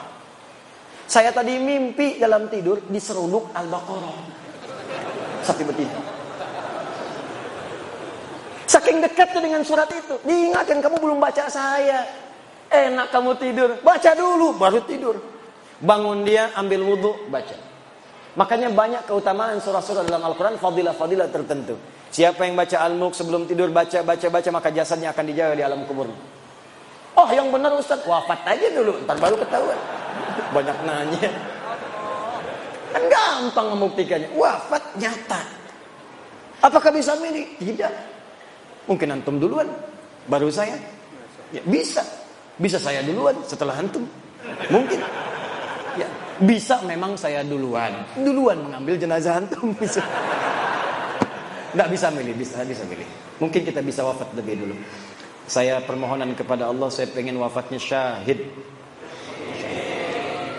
Doakanlah. Syahid itu tidak harus di medan peperangan fisik, mungkin saat mengajar. Mungkin saat mengajar bisa wafat. Alhamdulillah. Mudah-mudahan ada yang bisa menggantikan di kemudian hari. Bangun bangsa ini, cintai bangsa ini, berbuatlah yang baik untuk bangsa ini. Karena banyak ulama ini punya saham untuk membangun bangsa kita ini. Jangan terpecah belah. Bangunlah bangsa dengan baik. Insya Allah kami nanti ada program untuk bisa mengundang siswa-siswa di seluruh penjuru Indonesia untuk belajar. Nanti saya didik langsung. Sudah ada angkatan kedua sekarang. Didik selama setahun. Kemudian saya kirim ke Timur Tengah. Alhamdulillah nanti yang sudah lulus ke Sudan dalam waktu dekat nanti orang Sudannya datang akan dibawa langsung ke sana untuk belajar khusus. Khusus ya di Sudan ada 25 orang. Di Turki ada 13 orang. Di Madinah ada murid kami juga di sana. Di Al Azhar ada. Terakhir saya sebelum ke sini di hotel langsung ditelepon. Alhamdulillah atas keagamaan di kedutaan Mesir minta CV kami kemarin kami bersama dua orang syekh dari Mesir dan insya Allah akan diberikan kuota beasiswa di Al Azhar 50 sampai 100 orang. Kita pilih putra putri terbaik bangsa kita, belajarlah ke sana, pulang jadi ulama. Harus ada ulama dari Palembang. Palembang itu sejarahnya penuh dengan ulama. Syekh Abdul Somad Al-Palembangi itu ulama hebat, mufti di Makkah Al-Mukarramah, mufti. Generasi dulu, Syekh Ahmad Khatib Al-Minangkabawi dari Minangkabau. Punya murid-murid, murid-muridnya pun dari Jawa. Siapa? Di antaranya Muhammad Darwish, kelak dikenal dengan Syekh Ahmad Dahlan, Al-Habib Ahmad Dahlan, pendiri Jamiah Muhammadiyah 18 November 1912. Siapa lagi? Syekh Muhammad Hashim bin Ash'ari, pendiri Jamiah Nahdlatul Ulama 31 Januari 1926. Ada lagi kerabatnya di Banten, Syekh Nawawi Al-Bantani. Itu orang-orang hebat semua ada Syekh Yasin Al-Padami yang kalau kemudian dalam orang-orang haji itu biasanya bawa air zam-zam, ngasih ngasih ngasih pakai kaos oblong, pakai sarung. Tidak tahu kalau orang itu mufti begitu tiba waktu sholat memberikan fatwa di Masjid Al-Haram. Allah ya Rabb hadirkan alim ulama insya Allah dari Sumatera Selatan di kemudian hari yang selevel dengan ulama-ulama dulu. Ayo belajar, belajar, belajar. Bangun bangsa ini, bangun daerah kita supaya keberkahan diturunkan oleh Allah Subhanahu wa taala. Tadi hidayat orang sekarang. Ilmunya baru sedikit. Masa depan tantangan banyak. Anak bapak ibu yang harus jadi. Lebih baik daripada saya. Ayo belajar ke sana. Ayo tumbuhkan semangat. Bangun cita-cita. Maaf kalau cuma jadi ahli pertanian. Banyak dari IPB. Arsitek insinyur banyak di ITB. Dokter banyak di UI. Ulama dari mana datangnya? Jarang pewaris Nabi. Makanya ketika ada ulama jaga. Ambil ilmunya. Manfaatkan dengan baik. Dan di antara yang terbaik adalah ahli Al-Quran. Mulai sekarang, ayo coba buat kebiasaan rajin baca Quran. Ya, bagus gerakan bangun. One day one juz. One day nisfu juz. Half of juz. Setengah juz. Boleh. One day one rubu. Seperempat juz. Boleh. Silakan. Bangun kebiasaan. Walaupun one day one ayat. Satu hari satu ayat. Boleh. Silakan. Walaupun heran juga. Alif lam mim. Sudah dulu. Ah. Yang penting surga. Tambah. Yuk tambah, tambah, tambah, tambah. Ya. Nah, membaca ini nanti mengantarkan pada kemuliaan yang kedua. Kedua, ada ahli Quran, maaf, rajin mengkaji Al-Quran. Bacanya sedikit. Di nggak seperti yang lain, satu juz sehari. Dia ini sehari paling banyak 10 ayat. Tadi masih ingat hadis khairukum man ta'allamal Qur'ana wa 'al lama. Diriwayatkan oleh Syekh, eh, oleh Abu Abdurrahman As-Sulami dari Ali bin Abi Thalib radhiyallahu taala anhu dari Nabi sallallahu alaihi wasallam. Kata Abu Abdurrahman As-Sulami, perhatikan, akhadtul Qur'ana an qaumin. Saya belajar Quran dari kaum, sekelompok orang. Siapa orang yang dimaksud sahabat? Karena belajarnya langsung dari sahabat. Ini menunjukkan belajar Al-Quran itu mesti ada guru. Belajarnya bukan satu dua orang, belajar, belajar, belajar. Begitu belajar kata beliau, wallahi demi Allah ketika belajar itu kami tidak belajar banyak, paling banyak baca 10 ayat. Walam natajawaz anha dan tidak pernah kami melewati 10 ayat itu illa annakum bi'amaliha kecuali kami mengamalkan dulu apa yang telah kami pelajari. Dibacanya nggak banyak. Alif lam mim sampai wa ulaika humul muflihun. Lima ayat tapi orang ini tafsirnya dibuka. Oh, ada orang bahagia hidupnya. Oh, ada orang diberi petunjuk oleh Allah. Siapa orang ini? Rajin sholat. Rajin infak. Rajin baca Al-Quran. Paham dia artinya, paham maknanya, maka dia kerjakan saat itu. Dia keluarkan semua jenis sholat. Fardunya, sunnahnya, rawatibnya, duhanya, sholat wudhunya, sholat syuruknya, keluarkan. Dan dia berusaha menunaikannya. Infak dia kejar. Apa saja jenis infak? Ada lima. Quran surah kedua ayat 215. Wa yas'alunaka madza yunfiqun? Kepada siapa kau mesti berinfak? Kul ma anfaqtu min khair. Katakan kalau mau infak berikan yang baik-baik. Lil walidain pertama orang tua. Wal akrabin keluarga terdekat. Wal yatama anak yatim. Wal masakin orang miskin. Wabis sabil orang yang kekurangan bekal. Kejar oleh dia ke orang tua, kerja, kerja, kerja. Begitu dapat kemudian gaji, telepon orang tua, "Mama, hari ini aku punya hadiah spesial." Apa itu, Nak? Tunggu saja. Begitu datang, dibungkuslah sebuah hal yang sangat diinginkan oleh ibundanya. Dituliskan kemudian di atasnya, "Terima kasih Mama telah mengandung saya, bersabar merawat saya, memberikan ASI untuk saya. Ini gaji pertama saya, saya berikan untuk Mama. Walaupun belum bisa memberikan apa-apa, semoga dengan ini doa Anda mengantarkan kita ke surga." Dibuka. Masya Allah. Begitu dibuka handphone terbaru Bukan. Dipeluk anaknya. Nah, bukan karena handphonenya, tapi karena cintamu kepada mama, mama ridho dengan engkau. Ini ambil aja handphonenya. Yang penting engkau mencintai mama. Sudah cukup mendoakan kita untuk ke surga. Berpelukan keduanya, mengalir air matanya. Dan hadirlah di situ nilai kemuliaan. Itulah infak ringan. Bacanya cuma lima ayat, tapi ngamalkannya yang luar biasa. Makanya banyak sahabat yang hafal Quran itu puluhan tahun. Umar bin Khattab radhiyallahu taala anhu 20 tahun. Ada yang 40 tahun. Abu Abdurrahman As-Sulami itu 40 tahun. Padahal beliau pebisnis, pebisnis. Masya Allah, jualan, dagang, macam-macam. Ketika mendengar hadis Nabi tadi, khairukum man ta'allama al-Qur'ana wa 'allamah. Kalau kamu pengen jadi orang hebat, maka mendekat kepada Al-Qur'an. Maka beliau sambil berusaha tadi menjadi ahli Qur'an. Belajar Qur'an, baca, amalkan, baca, amalkan. Sampai mengatakan, tidak pernah ada yang menempatkan saya pada status yang terbaik saat ini, kecuali hadis tadi. Maka ayo, kalau tidak sempat punya banyak waktu baca satu juz per hari, setidaknya baca satu ayat, lihat tafsirnya, amalkan isinya. Maka anda masuk golongan yang kedua. Hati-hati, kata Abdullah bin, kata Amr bin As radhiyallahu taala anhu, perhatikan kalimatnya. Aku dapati di era Nabi banyak orang yang cuma hafal satu surat tapi mengamalkan isinya dengan sepenuh jiwanya. Tapi nanti aku prediksikan di masa kini yang akan datang akan banyak orang hafal 30 juz saking mudahnya seperti meminum air. Air itu diminum tidak ada hambatan, masuk langsung. Kata Amr bin As, ya ada orang yang akan hafal Quran semudah meminum air tapi sangat berat dalam mengamalkannya. 30 juz hafal, tanya halaman, tanya ayat, tanya nomor, tanya posisi, hafal semua, tapi mengamalkannya begitu berat. Hati-hati. Dia hafal ayat tentang bersikap baik, Awas, hati-hati. Layas rekomin kaum jangan saling mencela. Tapi mengamalkannya sulit. Dia hafal ayat jangan berselisih. Wala tafarraku. Hafal ayatnya. Tapi mengamalkannya sulit. Hanya karena satu kunut, satu tidak berselisih. Padahal ayatnya hafal. Satu bismillah, jahar satu sir berselisih. Padahal ayatnya hafal. Ada terjadi seperti itu? Ada. Berarti prediksi sahabat itu benar. Maka kalau ingin jadi ahli Quran, Pilihan pertama banyak membaca, pilihan kedua menelaah. Yang ketiga ini yang paling hebat. Orang yang mampu menghafal Quran selama hidupnya dan berusaha mengamalkannya. Orang ini disebut dengan hamilul Quran. Hamilul Quran. Orang sekarang menyebutnya hafid. Orang dulu tidak menyebut hafid. Karena hafid itu orang yang hafal hadis 100 ribu hadis dengan sanadnya plus matanya. Orang-orangnya sampai ke Nabi dan isinya 100 ribu disebut hafid. Tapi kalau hafal Quran dengan mengamalkannya disebut hamilul Quran. Orang yang mengandung Quran dalam dirinya. Ibu hamil mengandung maka akan menjaga kandungan. Makan makanan yang baik. Ya, cari yang bergizi. Dijaga perilaku supaya bayi yang dikandung itu baik, sehat keluarnya. Janinnya bagus, bayi bagus. Maka orang yang mengandung Al-Quran pun akan menjaga Quran dalam dirinya. Dia akan menjauh dari yang haram. Menjauh dari perkataan yang buruk dan dia kejar untuk mendapatkan status yang terbaik. Itulah yang paling indah.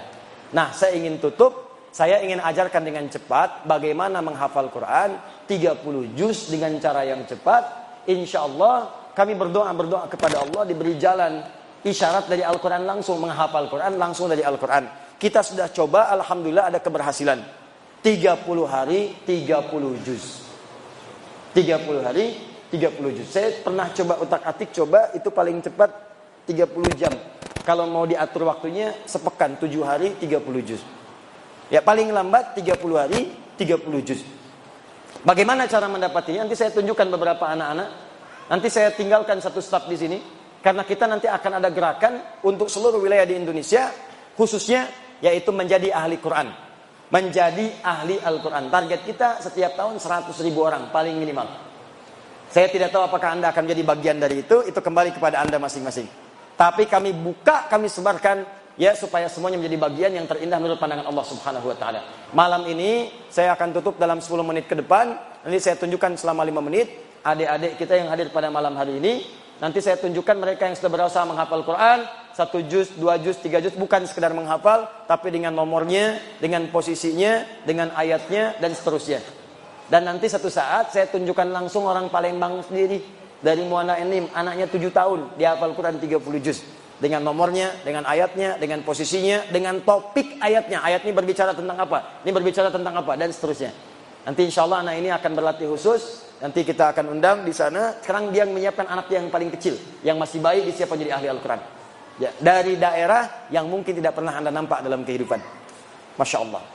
Ya, saya tunjukkan sebentar. Eh, Iqbal. Ini kalau sudah jadi ahli Quran yang lain mudah. Kami komunikasi pakai bahasa Arab terus. Jadi setelah jadi ahli Quran, nah ini bahasa lain lebih mudah, bahasa Arab. Nanti mereka akan belajar lima bahasa. Bahasa Arab, bahasa Inggris, bahasa Jepang, bahasa Mandarin, kemudian nanti ada bahasa Latin. Aina mikrofon. Tani, wahid fakat. Ana ismak Karim, masmuk, Assalamualaikum. Ismak Karim? Ali Fatin Mubarak. Min aina ant? Min Bandung. Ah ini dari Fahimtum? Paham insyaallah? Arif nafsak, arif nafsak bil Arabiyah. Nah. Ana ismi ana min Bandung, ismi Alwi Fathi Mubarak. Ah, Bandung, min Bandung. Bandung itu lampu merah, sanuan dikit. ah, namanya Ali Fathi Mubarak. Kan kan umrah? Uh, Umurnya baru 21 tahun. Ya, wahid wa 21 tahun. Baik, nanti kita cek ya hafalan Qur'annya. Kita ambil contoh yang ringan aja karena kita mau malam kita ambil juz 1, juz 2 yang sedikit-sedikit lah ya. Supaya saya ingin tunjukkan aja pelan-pelan bagaimana kita bisa mendapatinya. Ya Alwi, umur 21 tahun. Ya. Bisa bahasa Indonesia? Baik. 21 tahun. Ayat 21. Ya ayyuhan nasu ubudu rabbakum alladhi khalaqakum alladhi min qablikum la'allakum tattaqun. Surat apa itu? Ayat Posisi kiri tengah. Kiri tengah. Balik 12.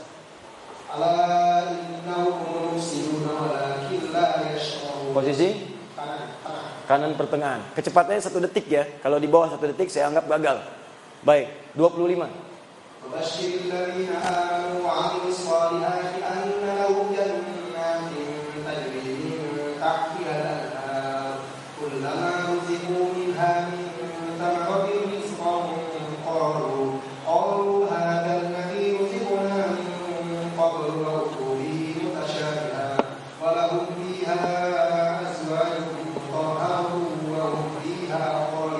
Posisi kanan paling atas 45. Ya ayyuhalladzina amanu ista'inu bis-sabri was-salah innallaha ma'as-sabirin. 45. 45. Ya gagal. 45.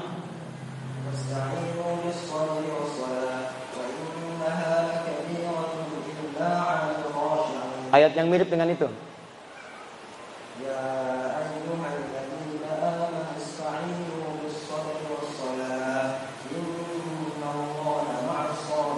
Ayat berapa? 153. Posisi?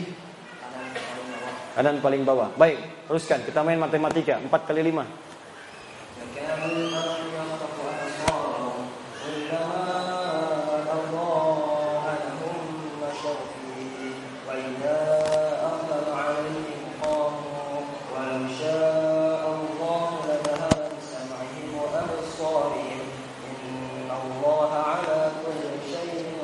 Saya tidak pernah menyiapkan pertanyaan sebelumnya. Ayat berapa itu? 20 posisi? Kiri, kanan, atas, tengah, bawah? Tengah agak ke atas. Baca mundur. 20, 19, 18, 17.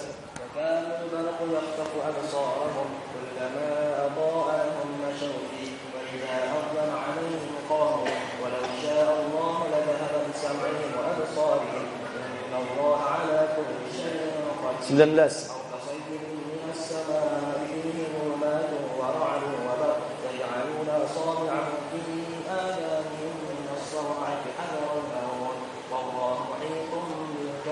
Delapan belas. Tujuh belas.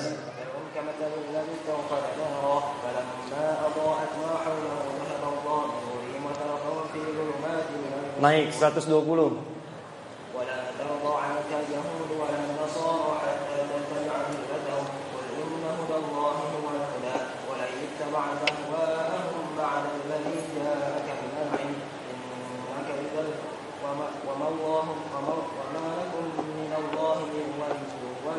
134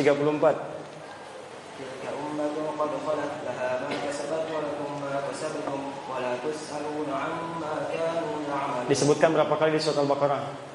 Ayat berapa? 134 dan Oh ya, ya Bani Israel adkuru nikmati ya, allati an'amtu 'alaikum wa anni faddaltukum 'alal 'alamin disebutkan berapa kali? Ayat ke dan Baik, yang mirip dengan itu ayat ke berapa? Posisi? Anda anak ke berapa? Ke-1. Ayatnya apa? Sebutkan nomor handphonenya. Nolnya, Alhamdulillah.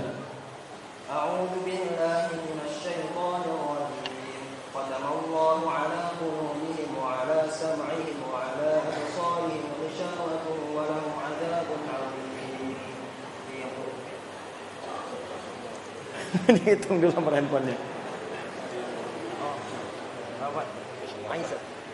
Hafal nomor handphonenya nggak? Insya Allah. Baik. Ya Allah.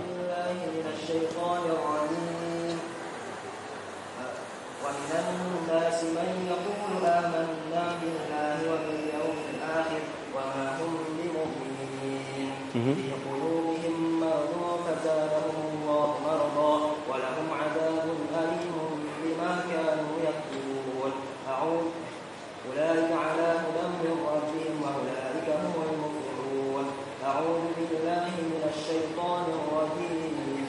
إن الذين كفروا سواء عليهم أأنذرتهم أم لم تنذرهم لا يؤمنون. ختم الله على قلوب. أعوذ بالله من الشيطان الرجيم. ختم الله على قلوبهم وعلى سمعهم وعلى أبصارهم غشاوة ولهم عذاب عظيم. في قلوبهم مرض فزادهم الله مرضا ولهم عذاب أليم. Berapa nomor handphonenya? 089 Baik. Sudah menikah? Belum. Kalau mau menikah, mau menikah dengan berapa? Alif lam. Baik.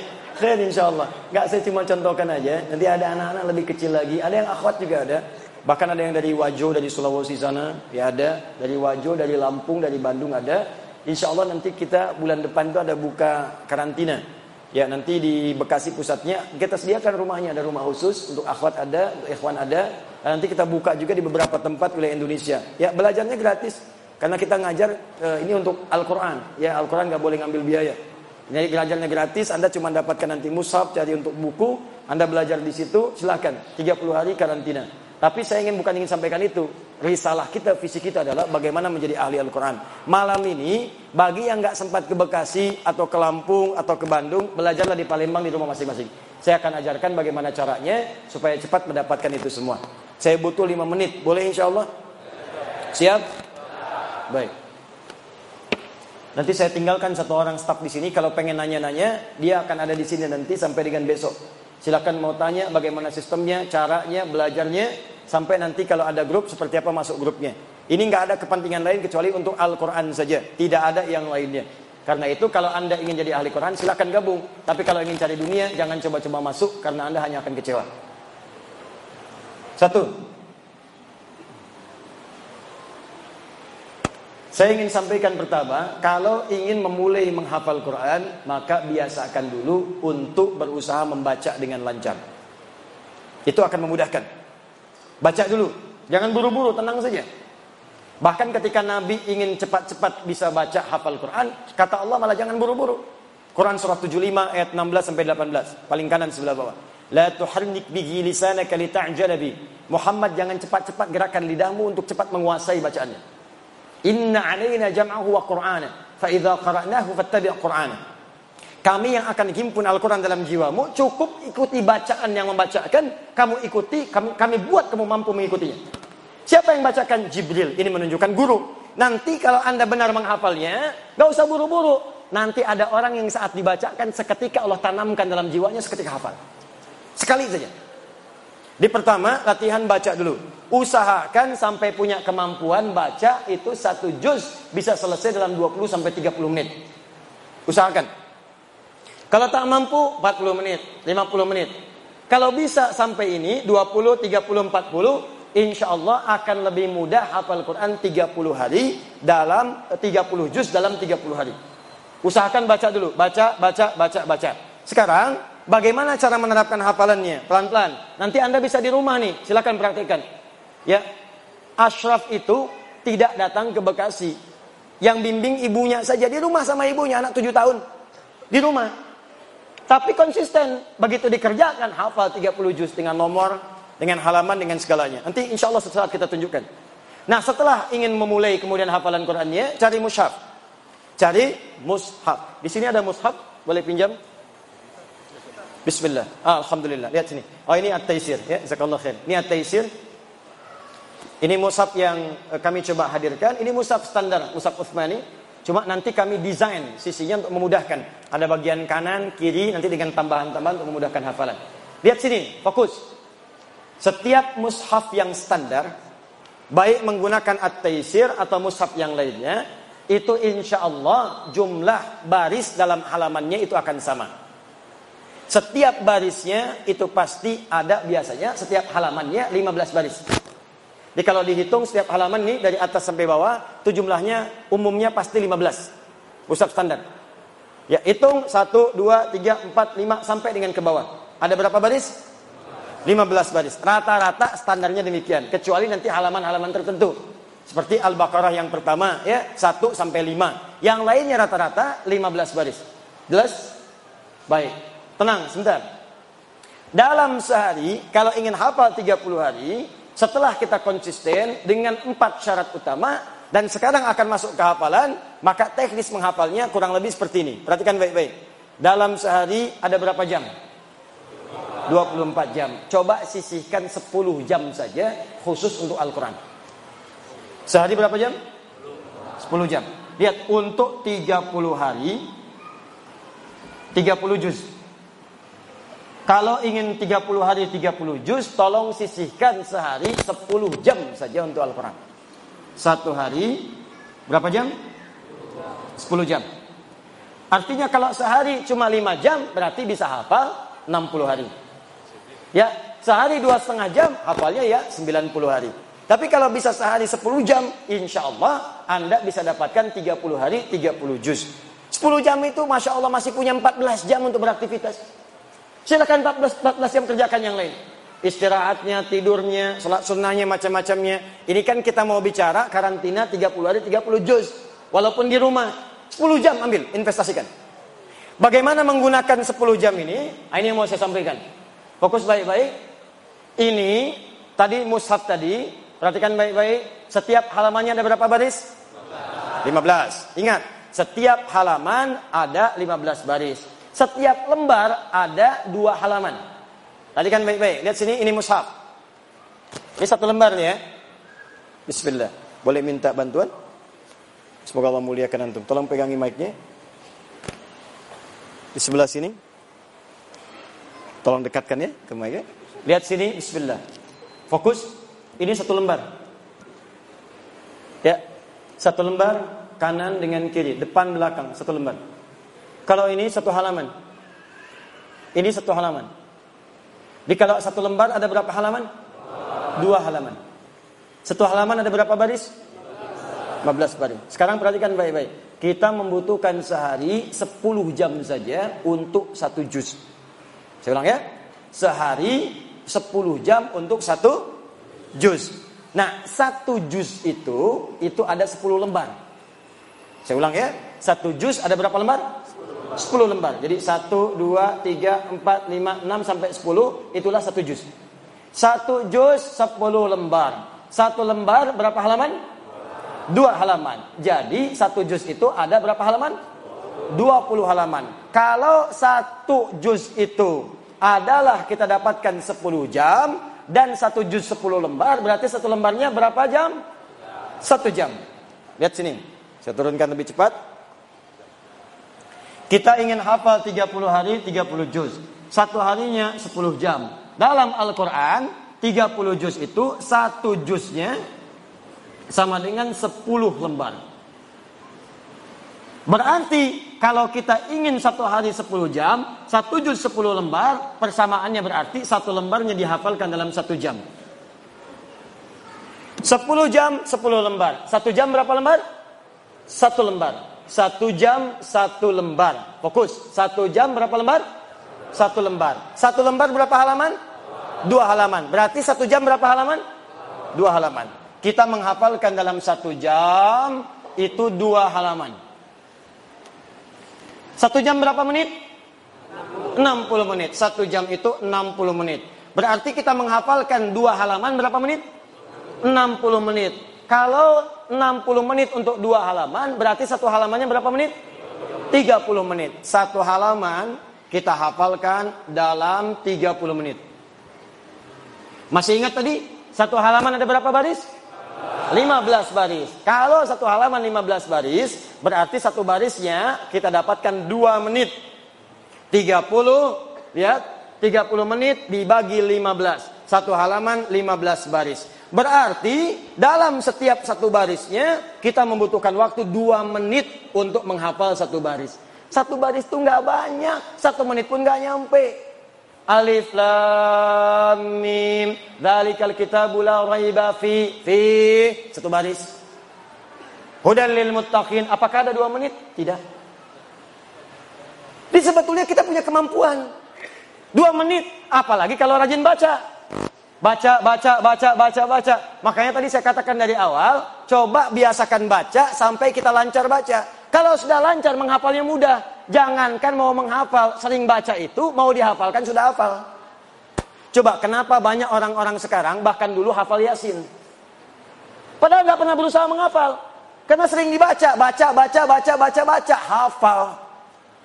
Karena itu awal membiasakan membaca supaya kemudian bisa lancar, itulah yang menjadikan kemudian kita bisa mudah untuk menghafalkannya. Jadi satu lembarnya ada dua halaman, satu halaman 15 baris, setiap barisnya dua menit. Kalau konsisten setiap baris dua menit, maka insya Allah dalam 30 hari Anda akan menamatkan 30 juz.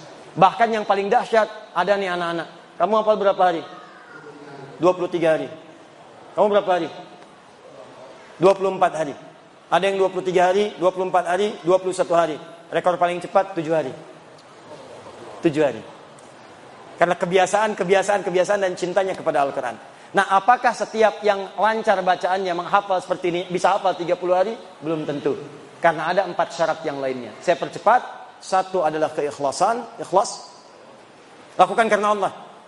Termasuk jangan pernah terlintas menghafal Quran pengen jadi hafid. Kalau pengen jadi hafid, gak usah menghafal Quran. Ganti nama jadi hafid. Perempuannya hafidah. Lalu potoklah samping boneka, boneka hafid dan hafidah. Sudah, ikhlas dillah. Mau dikasih berapa juz pun terserah, yang penting saya cari pahala. Dua, fokus. Fokus. Gunakan fokus. Kalau kita menatap saja, maka yang dihasilkan 20%. Mendengar saja 40%. Mendengar, menatap, dan fokus itu 100%. Sudah penelitian. Sudah penelitian. Yang ketiga, jadikan Quran sebagai prioritas. Kalau Anda bekerja sebagai prioritas, bisa berangkat gelap, pulang gelap. Sebelum subuh sudah berangkat kerja. Malam-malam pulang, untuk apa? Dapat sesuatu, prioritas bisa dikerjakan. Kalau Quran sudah jadi prioritas, maka insya Allah lebih cepat kita dapatkan. Yang keempat, ini yang terakhir, ini yang paling penting. Bergaul dengan teman-teman yang satu visi. Duduk di lingkungan yang dekat dengan ahli Quran. Siapkan. Jangan sendirian. Kalau bisa cari partner untuk memudahkan kita untuk mendapatkan Al-Quran yang kita harapkan. Insya Allah, insya Allah, nanti setiap tahun kita punya target. Saya akan undang Anda semuanya. Nanti ada syekh saya dari Timur Tengah juga. Nanti ada satu momen besar. Kita mulai ada gerakan menghafal. Dalam jangka setahun kita akan kumpul lagi. Kemarin kita di Istiqlal. Kita undang teman-teman semua. Ayo mulai menghafal sekarang. Praktekan, praktekan, praktekan. Insya Allah nanti ada satu channel kami di YouTube Adi Hidayat Official. Itu channel resmi. Itu khusus untuk tampilan-tampilan yang singkat dan nanti motivasi untuk Al-Quran. Untuk tayangan TV ada di akhir TV. Untuk sementara akhir TV itu sekarang sedang dalam penyempurnaan dulu. Jadi mungkin sebulan tidak tayang dulu. Nanti khusus untuk tayang acara TV saja 24 jam. Ya ada tentang ahli Quran, tentang hafid, tentang talk show, tentang macam-macam. Itu di akhir TV. Untuk official, di situ nanti ada bimbingan-bimbingan singkat, ada tausiah singkat, dan nanti program terdekatnya adalah bagaimana program cepat untuk menghafal Al-Quran. Siap insya Allah? Yakin? Kalau misalnya kami akan kirimkan perwakilan ke sini untuk mengajar menghafal Quran. Mau? Siap? Yakin? Takbir? Nanti kita akan diskusi dan mereka semua orang-orang ikhlas yang langsung kami biayai untuk datang untuk mengajar dan mereka tidak kami pernah berikan bekal. Kami berikan bekal pertama kali adalah jangan mengambil spesial pun dari setiap yang belajar. Kecuali silahkan kalau ingin dapatkan bukunya, ada infak, ada apa, mushafnya kami cetak sendiri. Kami ada rezeki, kami cetak, kami bagikan gratis. Ya buku-buku kalaupun ada bergabung silahkan. Tapi poin pertama lakukan semua karena Allah Subhanahu Wa Taala. Jelas insya Allah. Baik, itu yang bisa disampaikan malam hari ini. Jadi kesimpulannya saya ingin mudah-mudahan dengan izin Allah kita berjumpa kembali di surga kelak sebagai ahli Al-Quran. Menghadap Allah sebagai ahli Al-Quran. Bertemu Rasulullah sebagai ahli Al-Quran. Dan kita mendapatkan janji Allah wafatnya husnul khatimah dan jasadnya dijaga oleh Allah utuh sampai dengan hari kiamat sebagai ahli Al-Quran. Saya ingin sampaikan terakhir ada orang Turki hidupnya cinta dengan Al-Quran. Saking cintanya dia menuliskan musab dengan tangannya sendiri. Dia baca Quran dari situ sampai kemudian wafat singkatnya setelah wafat ini kisah nyata setelah wafat ini nyata luar biasa setelah wafat mushafnya kemudian tidak ditemukan, anaknya saat menunaikan haji di Madinah, tiba-tiba kemudian masuk ke satu toko, ditemukanlah mushaf bapaknya di situ dalam tulisan tangan. Heran, ini dari mana mushaf? Kata orang ini, saya temukan dari seorang penjaga kubur yang datang ke sini dari satu kuburan menjual mushaf ini karena menginginkan satu kebutuhan. Mana orangnya ketika dikejar bertemu dengan orang itu, dikejarlah. Dari mana kamu temukan mushaf ini? Kata orang ini dari sebuah kuburan, saya gali di atasnya ada mushaf. Begitu diajak ke mana? Di mana tunjukkan kuburannya? Diantarkan ke sana. Begitu dibuka ternyata kelihatan jasad bapaknya masih utuh. Yang tidak banyak orang tahu, bapaknya ini dikuburkan di Turki. Tiba-tiba munculnya di Baki di kota Nabi. Ini yang dimaksud oleh Nabi Shallallahu Alaihi Wasallam, almaru ma'aman ahabba. Seorang itu akan diwafatkan bersama yang paling dicintai. Kalau dia cinta dengan Rasulullah, dia akan bertemu dengan Rasulullah. Dia cinta dengan Al-Quran, maka dia akan disatukan dengan Qurannya dan menjadi syafaat untuk kehidupannya sampai kembali kepada Allah Subhanahu Wa Taala. Kita berdoa kepada Allah Subhanahu Wa Taala. Mudah-mudahan Allah mengabulkan doa-doa kita dan semoga Allah Subhanahu Wa Taala memberikan kemuliaan kepada kita semua. Sebelum berdoa, sesuai janji saya supaya janji saya tertepati Ya supaya tidak meninggalkan masjid ini kecuali janji tertepati. Mohon satu dua saja saya sebutkan ini supaya saya bisa jawab janji saya tertepati. Yang lainnya nanti saya jawab dalam channel YouTube Adi Hidayat Official insya Allah. Tolong nanti disimpan ini ya di staf kami dan kita akan jawab supaya teman-teman bisa mengetahui apa yang ditanyakan. Assalamualaikum Ustaz, Assalamualaikum warahmatullahi Boleh rujukannya Ustaz? Kitab-kitab rujukan karya Mbah Hashim Ash'ari yang ringan untuk dipelajari. Adabul alim wal muta'allim. Kitab pertama ditulis oleh beliau. Beliau menulis 19 kitab. Kami punya 19 koleksinya, kami menghafalkannya. Kitab pertama Adabul Alim wal Muta'allim. Kitab adab penuntut ilmu, bagaimana cara mencari ilmu, bagaimana cara mengajarkan ilmu. Itu kitab bagus sekali, isinya hadis-hadis Nabi sallallahu alaihi wasallam karena beliau pun ahli hadis. Silahkan pelajari kitabnya. Kami mengajarkan kitab ini di Masjid Al Azhar di Bekasi. Besoknya saya mengajar, malamnya saya bermimpi bertemu Gus Dur. Saya katakan, Gus, besok saya mau ngajar kitab ini. Beliau kemudian tersenyum. Itu saja. Kitab keduanya, Risalah Ahlu Sunnah wal Jamaah. Bicara tentang masalah akidah. Di situ disebutkan tentang akidah yang berlaku di tanah Jawa dan sekitarnya. Dan akidah-akidah yang menyimpang. Misal, halaman kesembilannya, Faslun fi zuhuril bid'ah fi ardi Jawa. Pasal tentang munculnya bid'ah di tanah Jawa wal mubtadi'ina fiha wa intisyariha dan orang-orang pelaku bid'ah dan penyebarannya. Apa di antaranya? Misal disebutkan oleh beliau, misal mohon maaf, wa minhum ala. Di antara ahli bid'ah itu bid'ah akidah, bukan bid'ah fikih. Adalah abahyun. Siapa mereka? Orang-orang yang bagus amalannya sebetulnya ahli zikir, cuman salah kesimpulan jadi konslet. Bagaimana konsletnya? Dia berzikir banyak-banyak-banyak sehingga menyimpulkan salah. Saya karena banyak zikir sudah dekat dengan Allah. Karena sudah dekat dengan Allah, maka tidak berlaku bagi dia layan tabiku alaihi al-amru wan nahyu. Sudah tidak berlaku lagi perintah dan larangan. Allah perintahkan sholat, dia sudah nggak sholat lagi. Kenapa? Bagi dia orang sholat itu baru latihan. Kalau sudah dekat Allah, nggak perlu sholat lagi. Ala bidzikrillahi tatmainnul qulub. Yakinlah dengan zikir kepada Allah, itu hati menjadi tentram. Akimi salat li dzikri, tunaikan salat supaya ingat kepadaku. Kata mereka, kami sudah ingat jadi nggak perlu salat lagi. Maka orang ini kata beliau, orang ini aliran yang menyimpang bid'ah, dhalatun mudillatun. Dhalah sesat dan menyesatkan. Jadi kalau Anda datang nanti bertemu Syekh Kiai pakai jubah, jubahnya lebih lebar daripada Batman. Ya, misal ya, walaupun pakai peci, pecinya bagus, Anda datang kelihatan ahli zikir Tiba-tiba datang waktu zuhur. Zuhur datang, dia masih kemudian ngobrol dengan Anda. Anda tanyakan, Pak Kiai, misal, Ustadz, ini sudah zuhur, apa nggak sholat dulu? Lalu dia katakan, eh, adik masih belajar. Kalau Yai, sekarang jasadnya ngobrol, ruhnya sedang sholat. Kata Mbak Hashim, itu orang menyimpang. Tinggalkan orang itu, karena dia bukan bagian dari ahlu sunnah dengan akidah yang benar. Nanti kitabnya banyak lagi. Kitab keempatnya An-Nurul Mubin fi Mahabbati Sayyidil Mursalin. Di kitab itu diajarkan bagaimana cara mencintai Nabi sallallahu alaihi wasallam. Dikisahkan kisah salafus saleh, dikisahkan para sahabat, dikisahkan bagaimana Ali bin Abi Thalib salatnya khusyuk sampai ada duri di kakinya itu tidak menghalangi. Jadi ketika sakit mau dicabut sakit-sakit, kata seorang sahabat, saya tahu bagaimana cara mencabutnya. Biarkan begitu sedang salat dicabutlah kemudian duri itu. Tidak pernah ada ekspresi berubah di wajahnya. Saking khusyuknya dicabut duri tidak terasa. Itu yang diamalkan oleh Imam Malik ketika mengajar. Saat mengajar tiba-tiba ada lebah menyengat di kepalanya. Saat sedang bacakan hadis tidak berubah posisinya walaupun wajahnya sudah memerah. Anda bayangkan, saya belum bisa begitu. Ya, sedang mengajar disengat lebah. saya berhenti. Masya Allah. Itu itu di antaranya. Jadi kalau ingin belajar salat khusyuk, ingin belajar mencintai Nabi, ada banyak buku-bukunya. Silahkan dapatkan bukunya di toko-toko terdekat. Wallahu taala dan Saya mencintai para ulama-ulama kita. Saya berdoa kepada Allah sampai saya jalan. Saya pergi ke Aceh belajar nasab. Saya berangkat ke Pantura, menjejaki benang nggak sebetulnya ada wali songo. Saya ikuti satu-satu, saya pelajari. Sampai saya tiba di Lasem, di sebuah toko buku dekat Masjid Agung.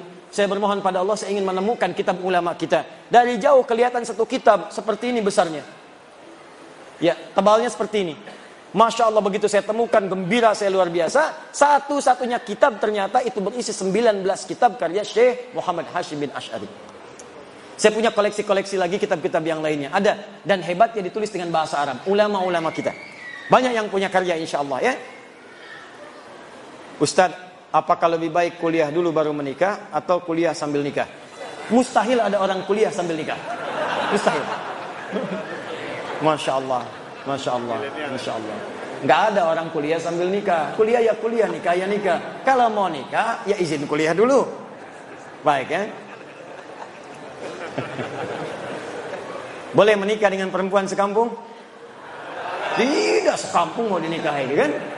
Sama juga dengan yang ini menikah sambil kuliah. Maka saya sarankan, saya nasihatkan dengan hadis Nabi, ya masyarakat syabab, yai pemuda-pemuda milenial, manis satu amin kumul ba'ata faliyatazawaj. Kalau sudah mampu, sudah siap, psikologisnya siap, untuk akadnya siap, kemampuan pernikahannya siap, siap semuanya falyatazawwaj. Silahkan menikah. Itu lebih baik lebih bisa menahan nafsu dan seterusnya. Kalau belum mampu gampang. Fa'alaika bisyam fa innahu kana wijaun. Maka puasa puasa puasa. Cek dulu. Kalau dengan menikah itu mohon maaf misalnya bisa lebih maslahat lebih baik silahkan menikah. Tapi kalau dengan menikah itu misalnya lebih mengganggu pada pelajaran tidak bisa konsentrasi tidak bisa maksimal maka banyak-banyak puasa insyaallah jelas ya Kalaupun sedang belajar tiba-tiba wafat misalnya, maka itu dihitung sebagai syahid, di akhirat diberikan minimal 70 bidadari. Masya Allah. Ya. Kalau syahid, kalau syahid. Kalau tidak ya tawakal saja ya. Saya sudah jawab dua, minimal sudah saya jawab sehingga saya menepati janji saya. Yang lainnya kita jawab nanti lewat official insya Allah. Mari kita berdoa kepada Allah Subhanahu wa taala. Semoga doa kita diijabah oleh Allah Subhanahu wa taala, diampuni dosa-dosa kita, dan dijabah semua hajat kita. Ada tiga sunnah Nabi dalam berdoa dalam ta'lim. Satu cukup dengan hamdalah, dua kifaratul majlis kalau ada hal yang dipersengketakan dan ketiga berdoa Nabi sahabat mengikuti. Saya ingin gabungkan ketiganya, mudah-mudahan fadilahnya dan keberkahannya disempurnakan oleh Allah Subhanahu wa taala. الحمد لله رب العالمين الرحمن الرحيم مالك يوم الدين إياك نعبد وإياك نستعين اهدنا الصراط المستقيم صراط الذين أنعمت عليهم غير المغضوب عليهم ولا الضالين. الحمد لله حمدا شاكرين حمدا ناعمين حمدا يوافي نعمه ويكافئ مزيده. يا ربنا لك الحمد ولك الشكر كما ينبغي لجلال وجهك الكريم ولعظيم سلطانك اللهم صل وسلم وبارك على رسولك الكريم نبيك الامين سيدنا محمد وعلى اله وصحبه اجمعين ربنا لا تدع لنا في مقامنا هذا في كل مقام ذنبا إلا غفرته Ya Allah kami mohon jika ada satu orang hamba pun yang datang ke ta'lim pengajian di malam hari ini datang dengan lumuran dosa jangan biarkan yang meninggalkan majlis ta'lim ini kecuali engkau telah ampuni segala dosa-dosanya Allahumma wala hamman illa farajtah jika di tempat ini ada yang pernah gelisah hatinya jangan biarkan yang meninggalkan majlis ilmu ini kecuali engkau telah tenangkan keadaan jiwanya. Allahumma wala maridan illa syafaitah jika ada di antara kami atau keluarga kami kerabat kami tengah engkau uji dengan penyakit seberat apa pun maka mohon dengan keikhlasan amalnya angkat dan sembuhkan segala jenis penyakitnya. Allahumma wala dainan illa qadaitah ya Allah jika ada di antara kami yang terlilit utang piutang dalam hidupnya maka mohon berikan keluasan rezeki kepadanya untuk melunasi utang-utangnya. Allahumma ya arhamar rahimin taqabbal minna ya Allah taqabbal minna jami'a amalina salawatina qiyamana wa ruku'ana wa sujudana wa tammim taqsirana ya Allah ya rabbal alamin allimna ma yanfa'una Allahumma allimna ma yanfa'una wa wafiqna ya Allah wa wafiqna bi an na'mala ma ta'allamna ya Allah ajarkan kepada kami ilmu yang bermanfaat. Dan berikan bimbingan kepada kami untuk mengamalkan apa yang telah kami pelajari Allahumma idza kana hadhihi al-lailah min baqiyati ayyamina faj'al baqiyata ayyamina ya Allah hayatan thayyibah ya Allah jika memang malam hari ini adalah malam awal permulaan kehidupan kami ya Allah supaya lebih baik dari sebelumnya maka bimbing hari-hari kami sebelum kami wafat menjadi lebih baik daripada sebelumnya. Allahumma ja'alna min ahli al-Qur'an. Ya Allah jadikan kami termasuk jadi ahli Al-Qur'an waj'alil Qur'ana sahiban lana fid dunya wa syafi'an lana fil akhirah jadikan Al-Qur'an teman kami di dunia pemberi syafaat bagi kami di akhirat ya rabbal alamin nawwir ya Allah kuburana bi nuril Qur'an dan mohon berikan cahaya di alam kubur kami dengan cahaya Al-Qur'an Ya Allah, idza kana hadhihi al-laila min akhir ayyamina, faj'al ya Allah akhir ayyamina husnal khatimah. Ya Allah, jikapun malam ini malam terakhir kami hidup, mohon jadikan malam ini sebagai husnul khatimah.